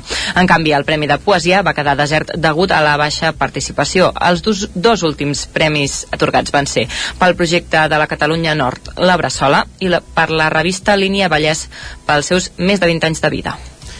Gràcies, Caral. Ho explicàvem a la taula de redacció. Família i amics de Toni Coromina, que va morir ara fa un any, es van reunir aquest diumenge a l'Atlàntida per recordar el periodista i escriptor biguetà. Un acte que l'Ateneu de Vic va organitzar amb el lema Un rebel a la ciutat dels Sants i que va reunir cares conegudes del món de la cultura i de la comunicació. 800 persones omplien diumenge a la sala gran de l'Atlàntida en l'homenatge a Toni Coromina un any després de la seva mort. Un comiat que havia quedat pendent i que la família i amics del periodista i escriptor biguetà van organitzar amb el lema Un rebel a la ciutat dels Sants Sants. Durant pràcticament 3 hores, un vaivé d'amics, familiars i cares conegudes van fer memòria de la persona i el personatge, un biguetà carismàtic que estimava la seva ciutat. Els fills i el nebot de Coromina van posar el punt més emotiu de l'acte. Escoltem a la Quim i a la Iman. El meu tiet Toni era molt bona persona i com tota la gent, ell va morir. I mai oblidarem l'últim dia que va estar amb nosaltres. I també mai oblidarem el seu somriure. Finalment, vull donar-vos les gràcies a tots i a totes que esteu aquí amb nosaltres i gràcies, gràcies pel, pel dibuix que ha fet el meu cosí Nabil perquè és molt bonic. L'actor Albert Vidal va posar veu i gest al monòleg Com preparar un xaiet social del mateix Coromina i Rafael Subirats va interpretar al piano una peça basada en música de Bach composta especialment per a l'ocasió. Quimi Portet i Manolo García també van recordar la figura de Coromina. Els va unir al món de la música. Escoltem a Quimi Portet i a Manolo García. Em sembla que la millor manera d'honorar el, el, el Toni és continuar rient, no? rient amb les persones que, que estimem i ja sé que això pot semblar frívol perquè la vida és una mica trista a vegades i porta moltes tragèdies però mm, a mi em sembla que riure és una de les coses més serioses que hi ha en aquest món i el Toni ens en va ensenyar molt per mi el, el Toni era una persona útil útil en el sentit d'amic que, que, que et dona que et dona. Va fer fotos per les portades dels discos, les sardines el Tibidabo de Barcelona. Vam anar a l'avió aquell espantós del Tibidabo a fer fotos el Quim i el Toni i jo. Fotos de la Índia tot amb una generositat i amb un, amb un desinteressadament sempre, un home, un home generós altres moments estel·lars de la nit els van protagonitzar la Coral Baquillas i la Palma Jazz Band, que es van retrobar per a l'ocasió fent una entrada triomfal al Teatre Bigatà. Gràcies, Jordi. Amb aquesta crònica de l'homenatge a Toni Coromina, acabem aquest repàs informatiu que començàvem a les 11 en companyia, com dèiem, de Jordi Sunyer, Caral Campàs, Isaac Muntades i Núria Lázaro.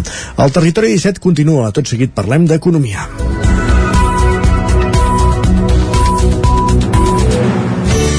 Territori 17 Envia'ns les teves notes de veu per WhatsApp al 646 079 023. 646 079 023. WhatsApp Territori 17.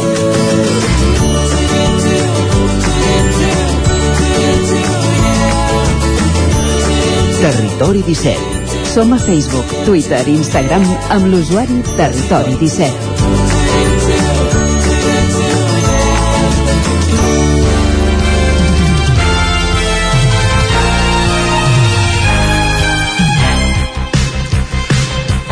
Quan passen 13 minuts i mig del punt de les 11, entrem a la pàgina econòmica del Territori 17. Cada dimarts ens acompanya en Joan Carles Arredondo, el cap d'Economia de l'edició del Vallès Oriental del 9-9. Avui, Joan Carles, per parlar de preus, per parlar de, de la inflació, que la tenim disparada. Doncs sí, no, està completament desbocada i tampoc arriben bones notícies sobre un final imminent no, d'aquesta espiral alcista. Um, ens fixem en aquest tema perquè ahir va sortir el, la dada de l'IPC avançat eh, de, de, del mes de novembre. L'IPC oficialment sempre es fa més o menys eh, a, a, a mitjan de mes, no? quan diguem-ne tota l'enquesta que es fa per, per eh, captar les dades, eh, diguem-ne que ja s'han processat les dades i, i tot plegat, però cada final de mes es dona la dada del, avançada de, de l'IPC normalment no s'equivoquen gaire, de manera que es pot dir que al mes de novembre els preus, els preus van tornar a créixer un 0,2% respecte al mes anterior, el que és, i el que és pitjor és un 5,6% en el còmput interanual. No aquesta, passava això... Aquesta dada no es té en compte per pujar salaris o es tenia? Es tenia en compte, ara explicarem una mica, eh? Uh, um, uh, 5,6% és una dada que no es coneixia des de feia 29 anys, eh? Uh, vull dir, estem parlant d'aquestes dimensions, eh? Estem parlant de dades pròpies del segle passat i de, bueno, de meitat de la, de la última dècada del segle passat. Uh -huh. Efectivament, molts, molts salaris estan indexats, eh? això se'n diu indexats, um, és a dir, uh, uh, evolucionen uh, um, d'un any a l'altre en base a l'IPC. De tota manera, els convenis col·lectius vigents eh, han acordat altres fórmules eh, de, de, de pujades. De fet, hi ha algun conveni col·lectiu en negociació, ara també en parlarem, que està portant conflictes precisament per, per el tema del, de l'increment salarial. I mm, una altra una dada clau d'això també és perquè s'havia decidit indexar una, una vegada més el, la, la, la, la, les pensions, diguem-ne, eh, l'import de les pensions s'havia decidit indexar sobre el sobre l'IPC. Sí. I normalment es feia sobre l'IPC del mes de novembre, és a dir, hauria, hauria costat una picossada, diguem-ne, tot plegat, eh? Si no fos perquè eh, el que es va decidir era fer una mitjana anual de, de l'IPC, de manera que eh, en, en mitjana anual, eh, tenint en compte que els mesos, primers mesos de l'any l'IPC estava baixant, doncs eh, queda amb un dos, més o menys amb un 2,5% el que es revaloritzen les, les pensions. Déu-n'hi-do els calés que costarà, eh, tot plegat. Uh -huh.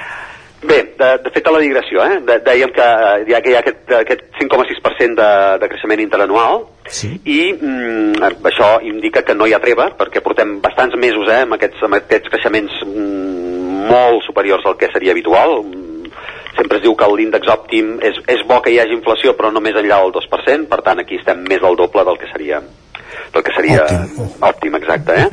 Um, eh, doncs, i tam també és difícil pensar que hi haurà treva immediata tenint en compte eh, indicadors com els costos de l'energia elèctrica eh, que marquen preus de rècord rere rècord. Avui, avui mateix es preveu que tornaran pics per sobre dels 300 euros quilowatt hora eh, i estaríem sobre la segona dada més, més elevada de la història ja, diguem-ne que parlar de dada més elevada de la història amb el tema de, de la, de, del cost energètic ja comença a no tenir cap efecte. Sí, no? perquè ho hem, ho hem sentit moltes vegades ah, aquest any. Efectivament, eh? però estem en la segona dada històrica, eh, la que es produirà avui entre 7 i 8 del vespre. Um, tenim, tot, tot això està en, en un context de sortir de, de la crisi pandèmica encara pendent, eh? no, no, no s'ha no acabat de sortir de, de, de la crisi pandèmica, per més que puguin, alguns puguin afirmar que sí. I davant d'aquesta situació, les autoritats monetàries s'enfronten a una gran disjuntiva que és bastant probable que marqui el pas econòmic dels propers anys. És una disjuntiva, la, la resolució de la qual pot ser molt important mm, per, per als anys que, que, que han de venir.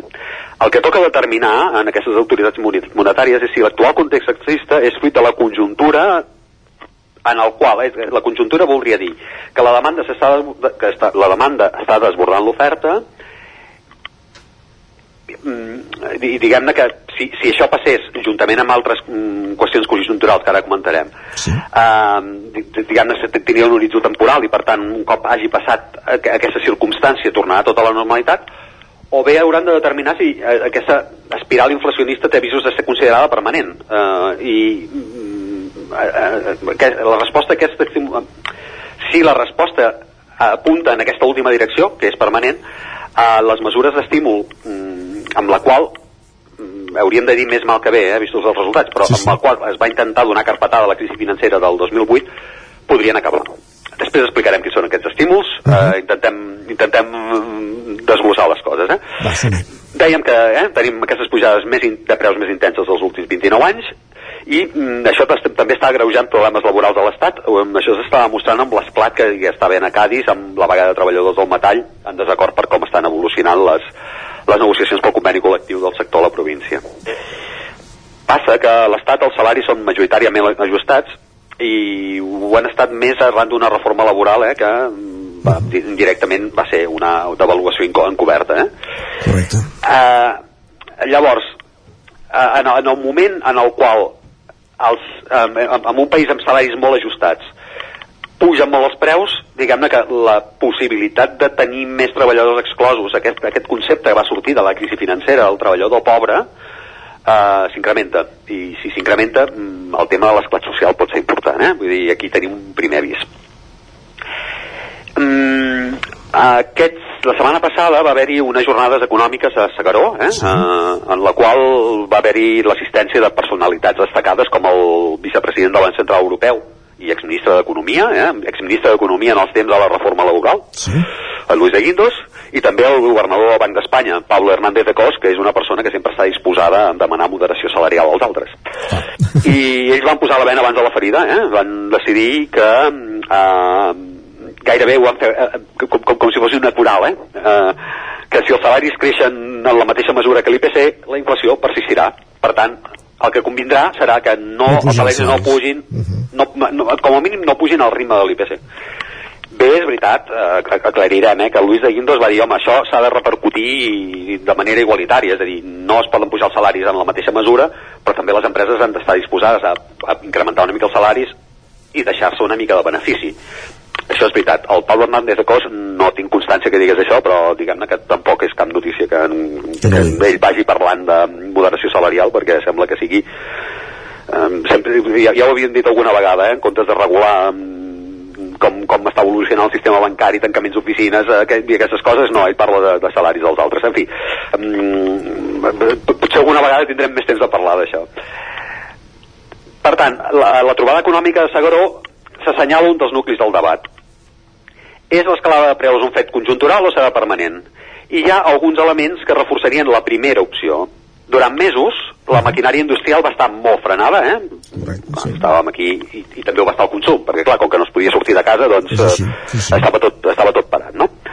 El consum es reactiva, les indústries encara no havien arribat a la velocitat de creuer productiva per satisfer aquesta demanda que més era més gran que la que era habitual sí.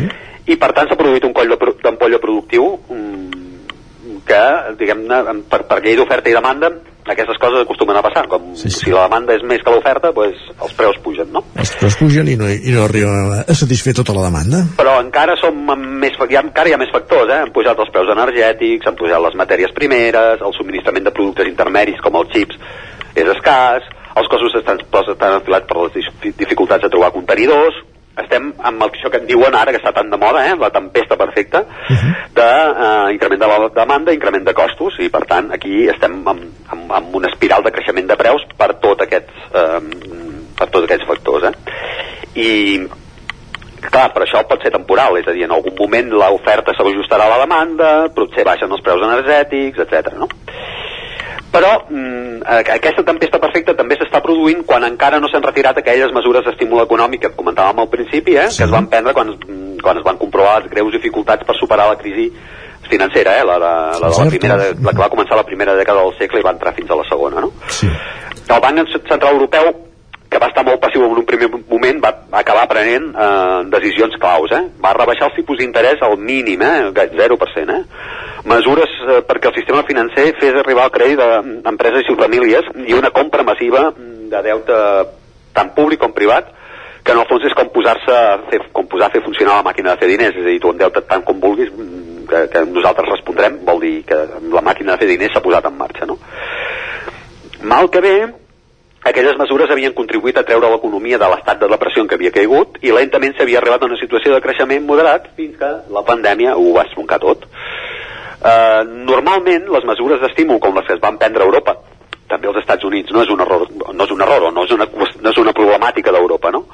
Uh, tenen un impacte en el preu, eh? Uh, per tant, són ara les responsables d'aquesta espiral alcista, perquè si fos així, mm, estem en el, la situació en la qual potser s'haurien de retirar aquestes mesures d'estímul. No? La resposta que es doni a aquests dos interrogants, si és només una qüestió vinculada entre bancs productius o si és un, o si és una, una qüestió que un problema que, que recau sobre les mesures d'estímul en vigor, això és el que comentàvem al principi, que marcarà el, els anys vinents. En el, primer, en el primer cas, perquè per saber si és una qüestió d'oferta i demanda hauran de passar mesos, eh? i si la resposta és negativa s'haurà tot perdut un temps preciós um, amb el risc que la resposta social sigui extrema. Eh? Era el que estàvem dient abans. La crisi del 2008 va posar de manifest que esperar no és gairebé mai la millor de les opcions. No, està clar. I esperar el- la crisi del 2008 va portar, l'altre dia ho deia el Manel Pérez, subdirector de La Vanguardia, un article molt interessant que recomano llegir, té un article de diumenge, en què deia que l'espera d'aquells anys eh, va portar al, al triomf del populisme i del trumpisme. De manera que, que clar, esperar no sempre és, o gairebé mai, eh, és la millor, la millor situació. Segurament que no. Si retirem els estímuls, eh, sense prou base per demostrar que estan al darrere del creixement dels preus, posaríem una situació delicada a famílies que s'han endeutat amb l'expectativa d'un tipus d'interès baix i sobretot uns estats que ja acumulaven deute i que ara l'han incrementat per donar resposta a les emergències de la pandèmia, eh, sanitàries i també econòmiques. De manera que, mm, eh, clar, si, si mm, l'Estat s'ha endeutat al 0%, no paga interessos del deute al 0 o a un, a un interès molt baix, i li, li comencen a incrementar, els diners que ha de destinar a pagar, el, a, a pagar els interessos, diguem-ne, van creixent i això mm, es distreu d'altres necessitats. De manera que retirar les mesures d'estímul té aquest perill, eh, de deixar molta gent, diguem-ne, completament destapada, no?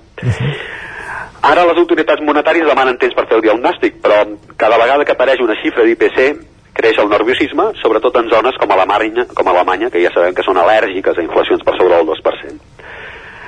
Creixerà la pressió perquè els estímuls es retirin, però tot apunta que el remei seria pitjor que la malaltia. Per tant, aquí estem amb les autoritats monetàries amb una crisi, amb, amb, perdó, amb una, amb, amb, amb, amb, amb una Dicotomia.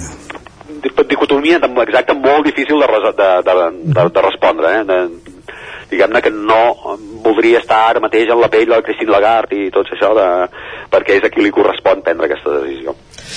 Doncs veurem si n'acaben prenent alguna i, i cap on tira la cosa. Sí, bé, mm, ens estan dient tranquils que la primavera tot això millorarà. Sí, això Ah, diuen, sí. Sí, però la primavera haurem hagut de passar un, un, un probablement molt fred hivern i que hi ha, encara hi ha molts mesos per davant i, i, i estem veient que els esdeveniments es precipiten, eh, diguem-ne, i mm, cada vegada hi haurà més pressió perquè retirin les mesures d'estímul perquè hi ha molta gent que està, que està molt necessitada que els tipus d'interès pugin per als seus interessos. veurem doncs com evoluciona. Gràcies per fer-nos aquest apunt i fer-nos obrir els ulls avui a, eh, a partir d'aquesta situació de, de la inflació que va desbocada, com deies al principi. Gràcies, Joan Carles, una Gràcies a vosaltres, bon, bon dia. dia. I arribem a aquest punt, al territori 17 fem una petita pausa per la publicitat, tornem amb la recta final. Passarem per la R3 i anirem al racó de pensar avui amb la Maria López i parlant de les notes, tot seguit aquí al territori 17 des d'ara i fins les 12 a la recta final del programa d'avui. El nou FM, la ràdio de casa, al 92.8. A Corretja tenim tot el que necessites per la teva llar. Tot tipus de paviments i revestiments, sistemes d'aïllament, cobertes, parquets, aixetes, ferreteria, pintures, fixació i cargoleria, vestuari i material de seguretat. Disposem de més de 3.500 metres quadrats d'exposició amb una nova zona exterior d'aïllaments. A Corretja som especialistes en cuines i banys. Us assessorem, dissenyem i realitzem el projecte des de l'inici fins a la fi del muntatge. 100% cuines, 100% banys. Al carrer Mas Vigues 8 de Vic, a corretja-sl.com o a Instagram. 100% materials per la construcció i la decoració. 100% corretja. Saps què és el confort intel·ligent? És tenir un terra radiant Giacomini a casa. Benestar que no es veu, però es nota tot l'any. I que pots controlar a distància des del teu mòbil, estalviant energia i diners. Suma't al confort intel·ligent amb Giacomini. Informa't a giacomini.es o truca al 93 884 1001 i t'ajudarem a tenir un terra radiant a casa o a l'oficina. Giacomini, la climatització que et mereixes. El racó de León. Gaudeix de la nostra terrassa. Vine a tastar les xuletilles de l'Echal a la brasa amb una bona amanida o el xuletón de vedella gallega.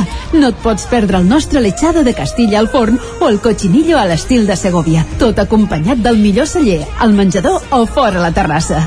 Descobreix la millor cuina de Lleó sense moure't de casa. Vine amb la família, els amics, la parella o sol. T'encantarà. El racó de León, cuina tradicional lleonesa i de mercat. Som al carrer Torelló número 35 de Vic. Per reserves, telèfon 93 889 1950. El racó de León, una cuina diferent. Som especialistes en cargols a la llauna. Vine a tastar-los al racó de León. El nou FM, el nou FM. Cobertes serveis funeraris. Els nostres tanatoris estan ubicats en els nuclis urbans més poblats de la comarca d'Osona per oferir un millor servei.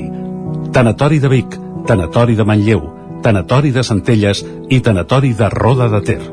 Sabem que són moments difícils i per això el nostre compromís és atendre-us en tot moment amb un tracte humà, sensible i respectuós. Cobertes serveis funeraris. Telèfon 24 hores 93 883 23 46.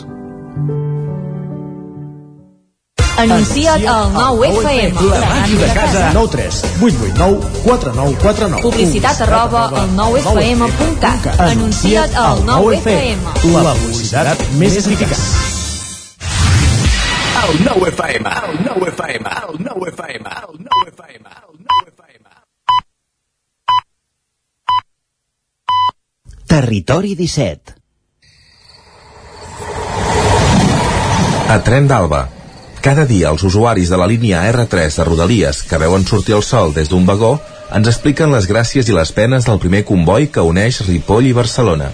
Benvinguts a Tren d'Alba. Ahir us vaig començar a explicar que Renfe havia adjudicat per més de 4 milions d'euros les obres de millora de l'accessibilitat a l'estació de Mollet Sant Fost i totes les actuacions que s'hi preveuen fer. Paral·lelament a les obres que us vaig enumerar ahir, amb l'objectiu de millorar l'accés als trens, s'han finalitzat les actuacions d'adequació, prolongació i repavimentat de l'andana principal, que han comptat amb un pressupost de mig milió d'euros. Aquesta actuació en complementa d'altres que estan emmarcades en el Pla de Rodalies de Catalunya 2020-2030, que preveu programes per millorar la fiabilitat del servei servei, la informació i l'atenció al client, augmentar la capacitat i les prestacions de la xarxa ferroviària i incrementar el confort i l'accessibilitat de trens i estacions. A més, en el marc de la primera fase del Pla d'Estacions per a Rodalia de Barcelona, Renfe està invertint prop de 100 milions d'euros en actuacions centrades principalment en la millora de l'accessibilitat, així com altres tasques de modernització de 39 estacions de la Rodalia de Barcelona. Va, ens retrobem demà amb més històries del tren i de la R3. Territori, Territori 17. 17. Territori 17.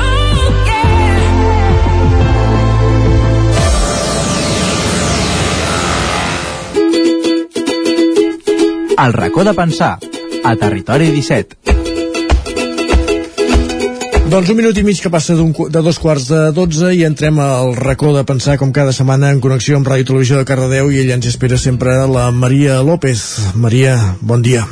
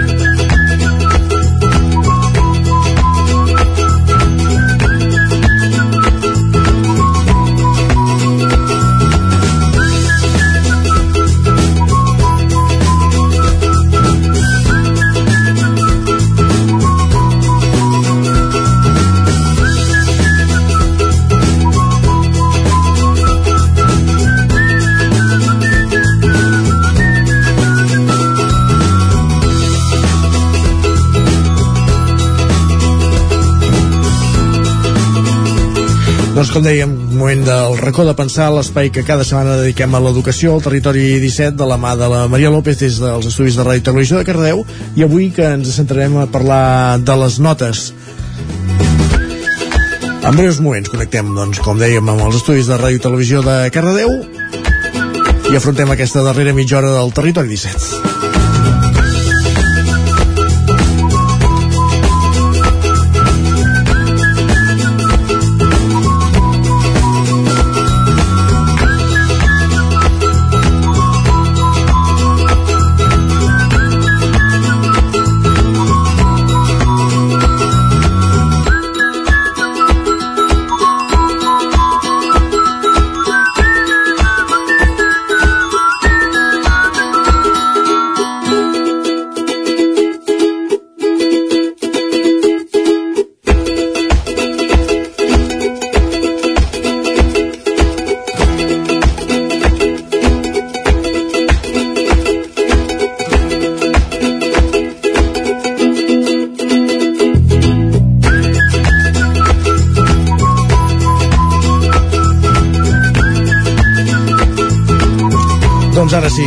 Saludem la Maria López. Maria, bon dia.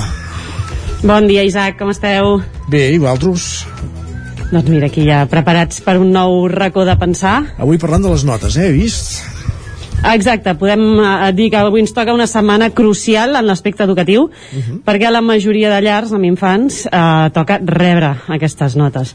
I és que aquesta setmana està arribant les notes del primer trimestre del curs, un moment que a cada casa es pot transformar en un moment d'orgull, o de, Déu meu, com superem això, segons que hi trobem sí. en el famós butlletí.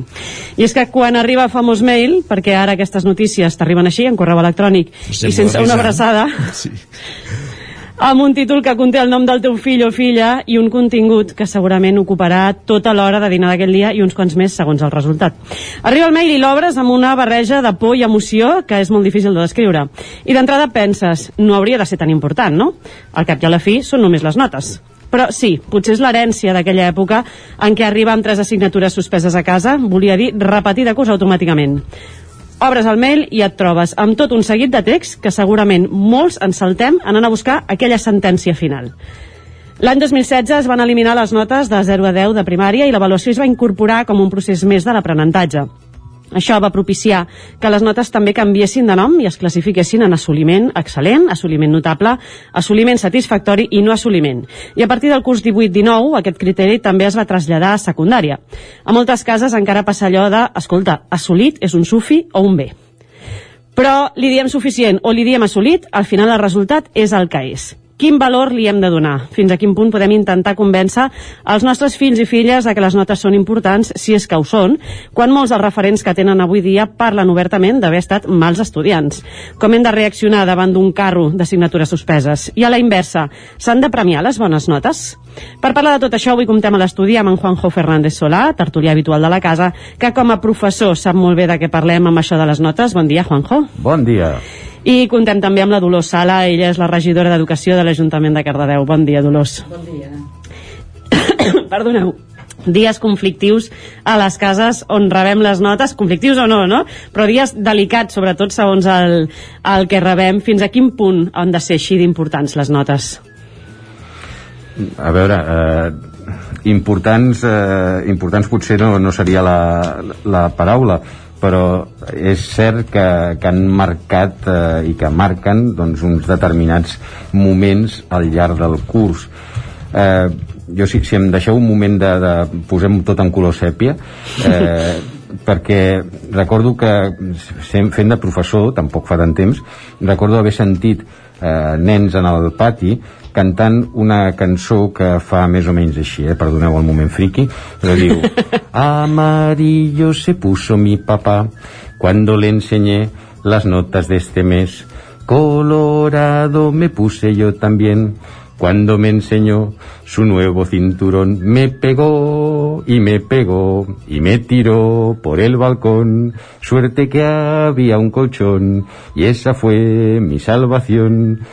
Això, Mare meva, o sigui, uh, és d'aquelles sí, sí. lletres que ara les sents i dius, per favor. Bueno, però això va ser fa relativament pocs anys i és una cançó que em va sorprendre molt perquè jo la cantava quan jo tenia 8 anys. I la cantava I sense ja, aquella consciència potser i, que estava i era, parlant. I era rància en aquell moment. Però tot i així, em, em va sorprendre perquè que, que continués aquesta perspectiva una mica de l'arribada la, de, de les notes com un moment de, de judici no? I, de, i de sentència. Jo tenia una companya professora que quan posava eh, observacions en el butlletí de notes deia que estava escrivint els epitafis, que era una, una manera que ja es veu que no és una gran manera de mirar-s'ho. No, no, no, no porta un bon auguri, eh, dir-li així. Dolors, fins a quin punt són importants les notes? A veure, les notes són importants, l'avaluació l'únic que fa és donar el coneixement que tenen mestres i professors de cadascun dels alumnes. Heu de pensar que no s'avalua l'alumnat, aquest alumnat és bo i no és bo, sinó que el que s'avalua són les dificultats detectades. Jo sempre penso que l'avaluació és eh, aquella escletxa que hem d'acabar de resoldre des de l'educació. Eh, amb l'educació, amb l'avaluació, ha d'estar incardinada, ha d'estar ficada a dins del procés d'ensenyament-aprenentatge. I eh, segurament heu sentit a parlar, que parlem d'una mm, avaluació que és formativa i una altra formadora. La formativa és la que implica el professorat. Jo, amb una interrelació constant amb l'alumne, estic veient quines dificultats té, com a què són degudes i en quin moment les té. I això em demana a mi, com a professor, anar ajustant la meva activitat les necessitats d'aquell alumne. I al mateix temps, l'alumne està aprenent d'aquesta interrelació.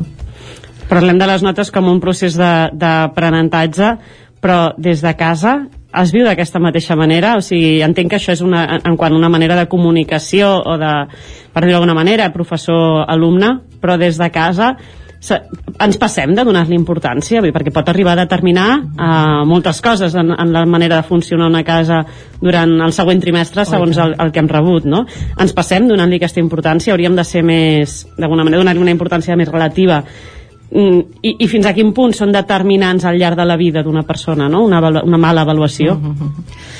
a veure, si l'avaluació no està ben feta després impacta amb tot el que és l'autoestima d'aquell alumne i aquí sí que hem de mirar de no arribar-hi vale? Uh mhm. -huh. sí que últimament les últimes normatives també parlen de l'avaluació transparent què vol dir això? Vol dir que en el procés educatiu, aquí hi estem immersos, sobretot mestres i professors, l'alumnat i les famílies també. Amb les reunions d'inici de curs, en aquí hauríem de dedicar un, una part important d'aquestes reunions també explicar en aquell centre en concret què significa pel centre i per la comunitat educativa, però sobretot l'equip directiu, com entén l'avaluació, com la portaran a terme i quina implicació demana també per part de les famílies. Uh -huh. Uh, són dies uh, en els que una època, diguéssim, en la que els referents moltes vegades que tenen els, els estudiants potser no són un gran exemple d'estudiosos, no? Fa uns dies parlàvem amb, amb un fill meu que precisament com a recurs davant d'unes possibles bones notes males notes, perdoneu, eh, es referia a no sé quin youtuber de torn, de, de torn no? dient eh, no li anava bé el col·le però mira que bé li ha anat al final no? s'agafen molt aquesta, aquesta cosa d'alguna manera de, de que és espavilar-se després. No sé si en la societat que, visquem, que vivim actualment considereu que el futur és dels bons estudiants o dels espavilats? A veure, eh, això està per veure. El que sí que és veritat que el futur, per sort, eh, l'hem de diversificar més i està molt diversificat. A vegades trobes persones que han estat males estudiantes sí. i que en canvi eh, a la millor han obert una empresa i se n'en surten prou bé i a l'inrevés també per tant, en aquí jo penso que hem de ser amplis de mires ens hem de fixar sobretot amb la persona eh, amb les competències que va adquirint i, i sobretot posant èmfasi en això però jo no, no em tancaria. O, o sigui que també estem en un país que sempre hem dit que eh, jo sempre dic que estudiar comporta una autodisciplina una autorregulació del procés d'ensenyament-aprenentatge i per tant aquí poses en moviment moltes capacitats i eh, no tothom té per què fer carrera. Podem passar per cicles formatius i per fer d'altres formacions. Eh, per tant eh, torno a dir l'avaluació és un punt. Eh, tots els infants i joves passen per moments de pujada i de baixada uns més d'hora i els altres més tard i per això no hem de sentenciar i de dir ui, aquest meu fill ja no farà res de bo etc. i molt en compte amb les observacions que podem fer a partir de l'avaluació les observacions des de casa des de dir. casa i a vegades si som més impulsius i ah, doncs ara li diré això o l'altre jo sempre dic, primer parleu amb el tutor o tutora i segons el que us digui reflexioneu conjuntament feu pinya amb el tutor o tutora i després ho parleu amb el vostre fill o filla Juanjo, com ho veus tu? El, el futur és dels espavilats, dels bons estudiants o d'aquí... qui, qui se'n sortirà d'aquí 15-20 mm, anys?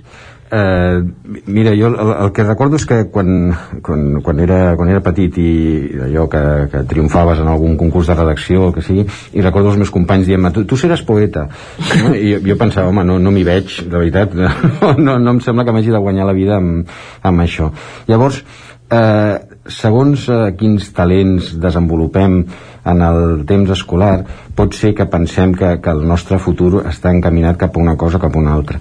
El que sí que, el que, sí que he constatat, com, des de l'experiència com a tutor, és que, eh, i també com a pare, és que de vegades mm, el, els alumnes, el, el pas per l'escolarització no té per què ser necessàriament brillant perquè això vulgui dir que després se'n sortirà. És més, molt sovint el fet de que eh, una educació, per exemple, l'educació secundària és una educació secundària obligatòria i que per tant mm, treballa un espectre molt ampli de matèries, d'assignatures, eh, pot donar-nos la sensació de que, clar, si un alumne no està traient eh, bones notes, no està triomfant en, en totes les assignatures, no li va bé.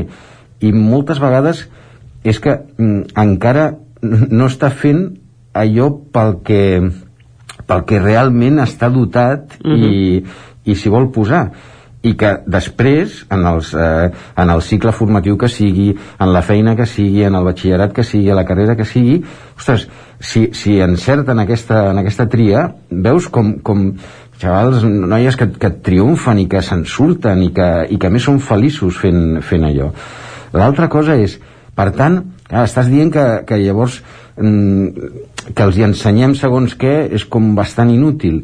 I jo això no ho crec tant. Jo crec que, que aquest pas per anar tastant les diferents matèries anar, anar coneixent anar obrint la teva, la teva ment i el teu cos a tot un seguit de disciplines, a tot un seguit d'assignatures jo crec que això és bo perquè et permet encara més donar valor a allò que de veritat, de veritat t'agrada i, que, i que tant de bo si pots estudiar i tant de bo si pots treballar dedicant-hi a allò. Entenem d'alguna manera que la resta d'assignatures amb les que un no se li donen també, ara posaves l'exemple, no? de que potser a la ESO et toca estudiar certes coses i que tu ets molt bon una i que fins que no vas a un cicle que sí, no, no et sents tranquil o no et sents alliberat, però entenem que la resta d'assignatures són uns mínims, no?, d'alguna manera que hauríem de considerar com... o, o, o, o, és relatiu això?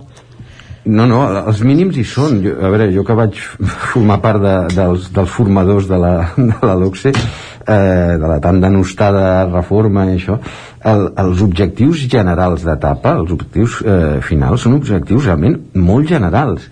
I jo crec que estan molt bé van a allò que sempre diem, no? El, el, què hem de saber? Llegir, escriure, eh, moure't en el, en el món de, de, de les xifres bàsicament perquè, doncs, per, per sortir-te'n i per anar per la, per la vida, saber expressar-te, saber interpretar la, la informació, saber-la eh, saber filtrar i saber-la expressar en allò que t'interessa, eh, poder-te expressar també artísticament, doncs són, són objectius de debò molt generals. Què ha passat?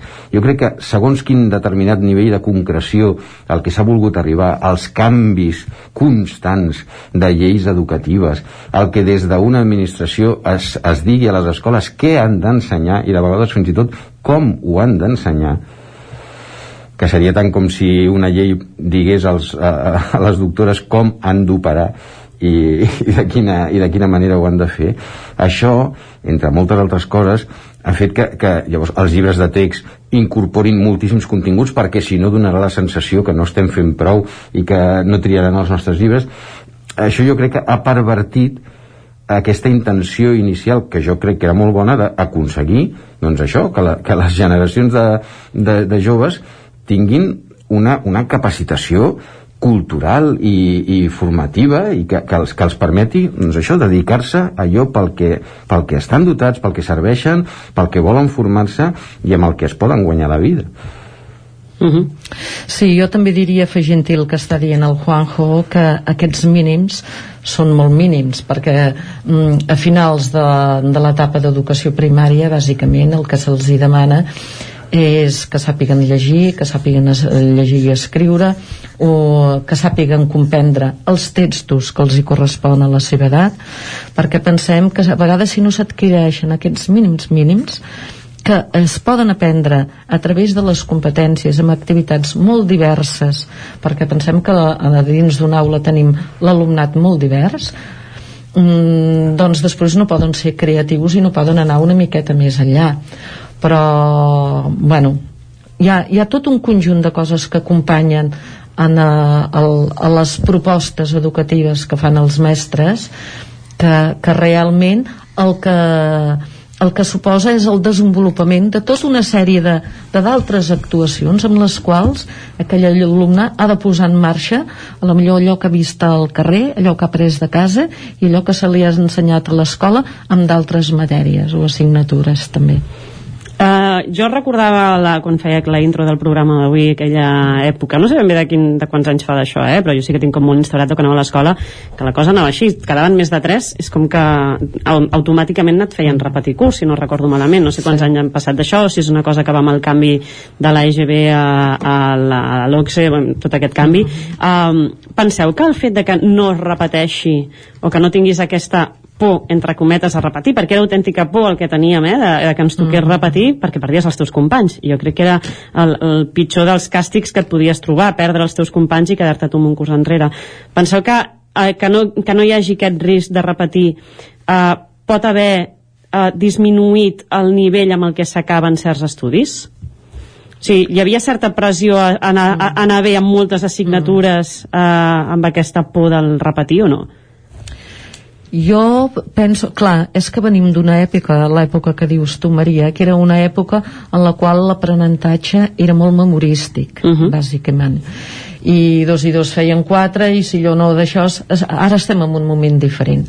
Ara estem en un moment que apretem un botó d'internet i allò que ens enviem de recordar ens surt molta més informació. El repte està en saber seleccionar aquesta informació segons la demanda que tens. I quan diem això estem parlant de competències eh? de saber buscar els recursos de saber seleccionar de prioritzar, etc Uh, avui dia el tema educatiu és més complex que tot això, perquè uh, interfereixen moltes, mm, molts elements en aquí a l'hora de, de decidir. És tot un conjunt de coses, va molt lligat a tot el moment socioeconòmic també que estem passant.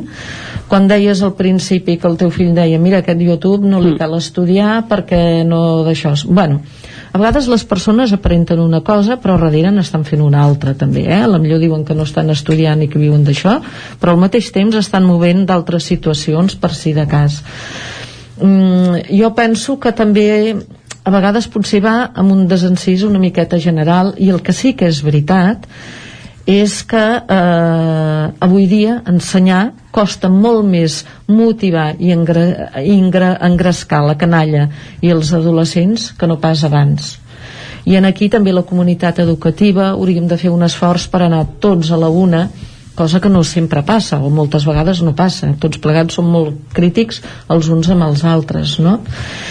Eh, jo penso a veure, l'avaluació va molt lligada amb tot el procés de tutoria i orientació.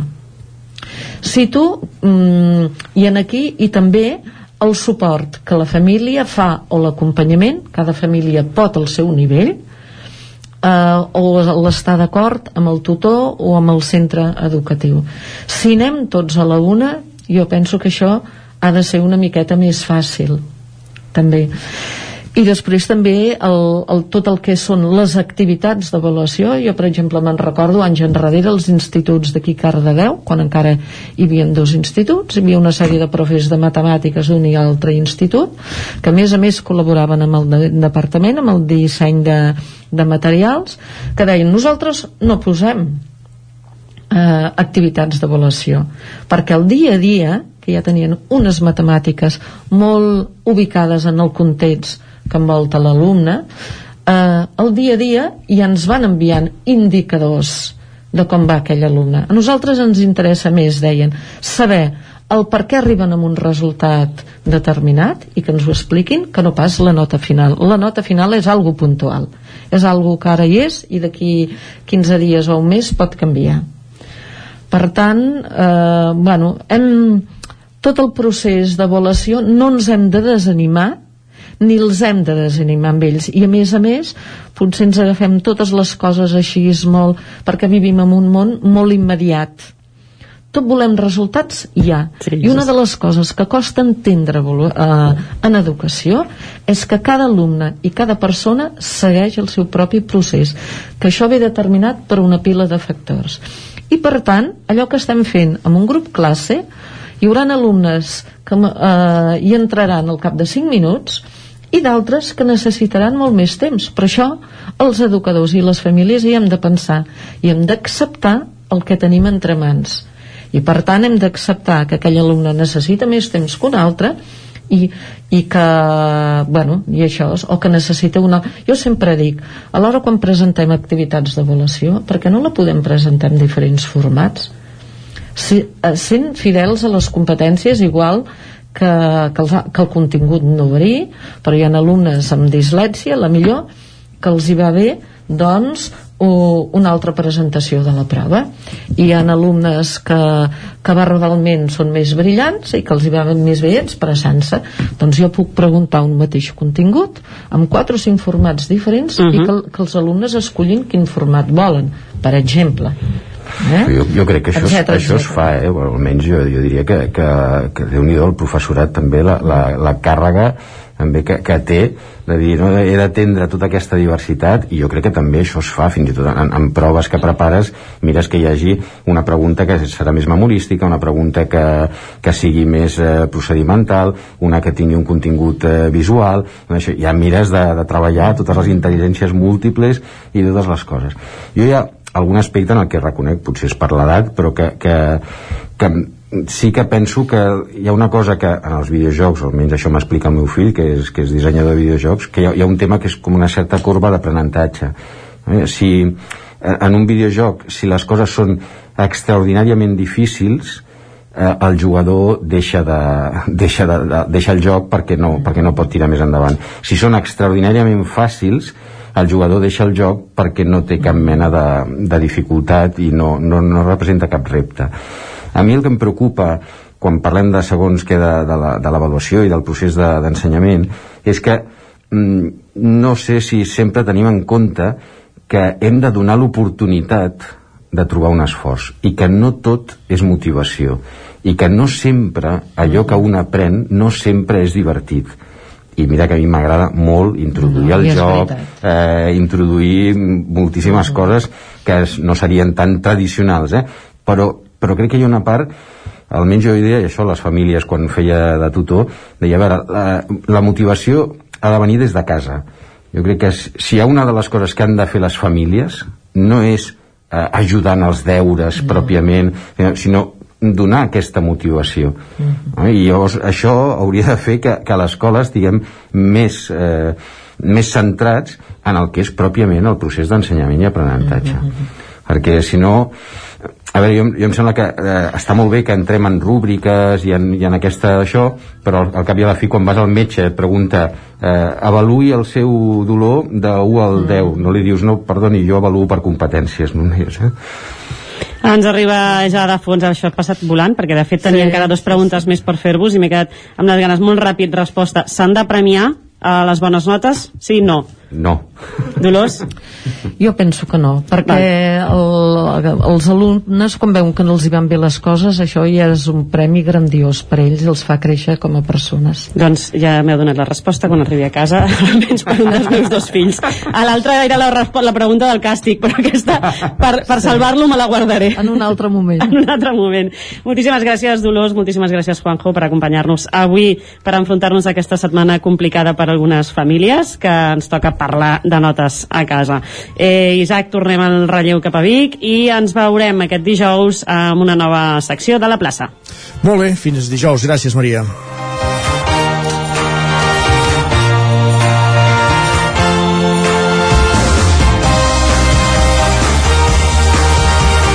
I ara sí, acabem el territori 17 d'aquest dimarts.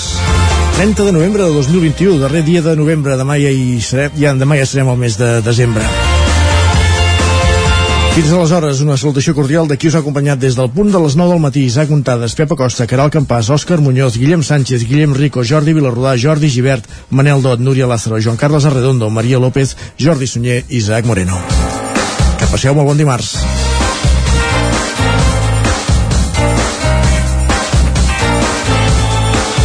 Territori 17, un magazín del nou FM. La veu de Sant Joan, Ona Codinenca i Ràdio Cardedeu amb el suport de la xarxa.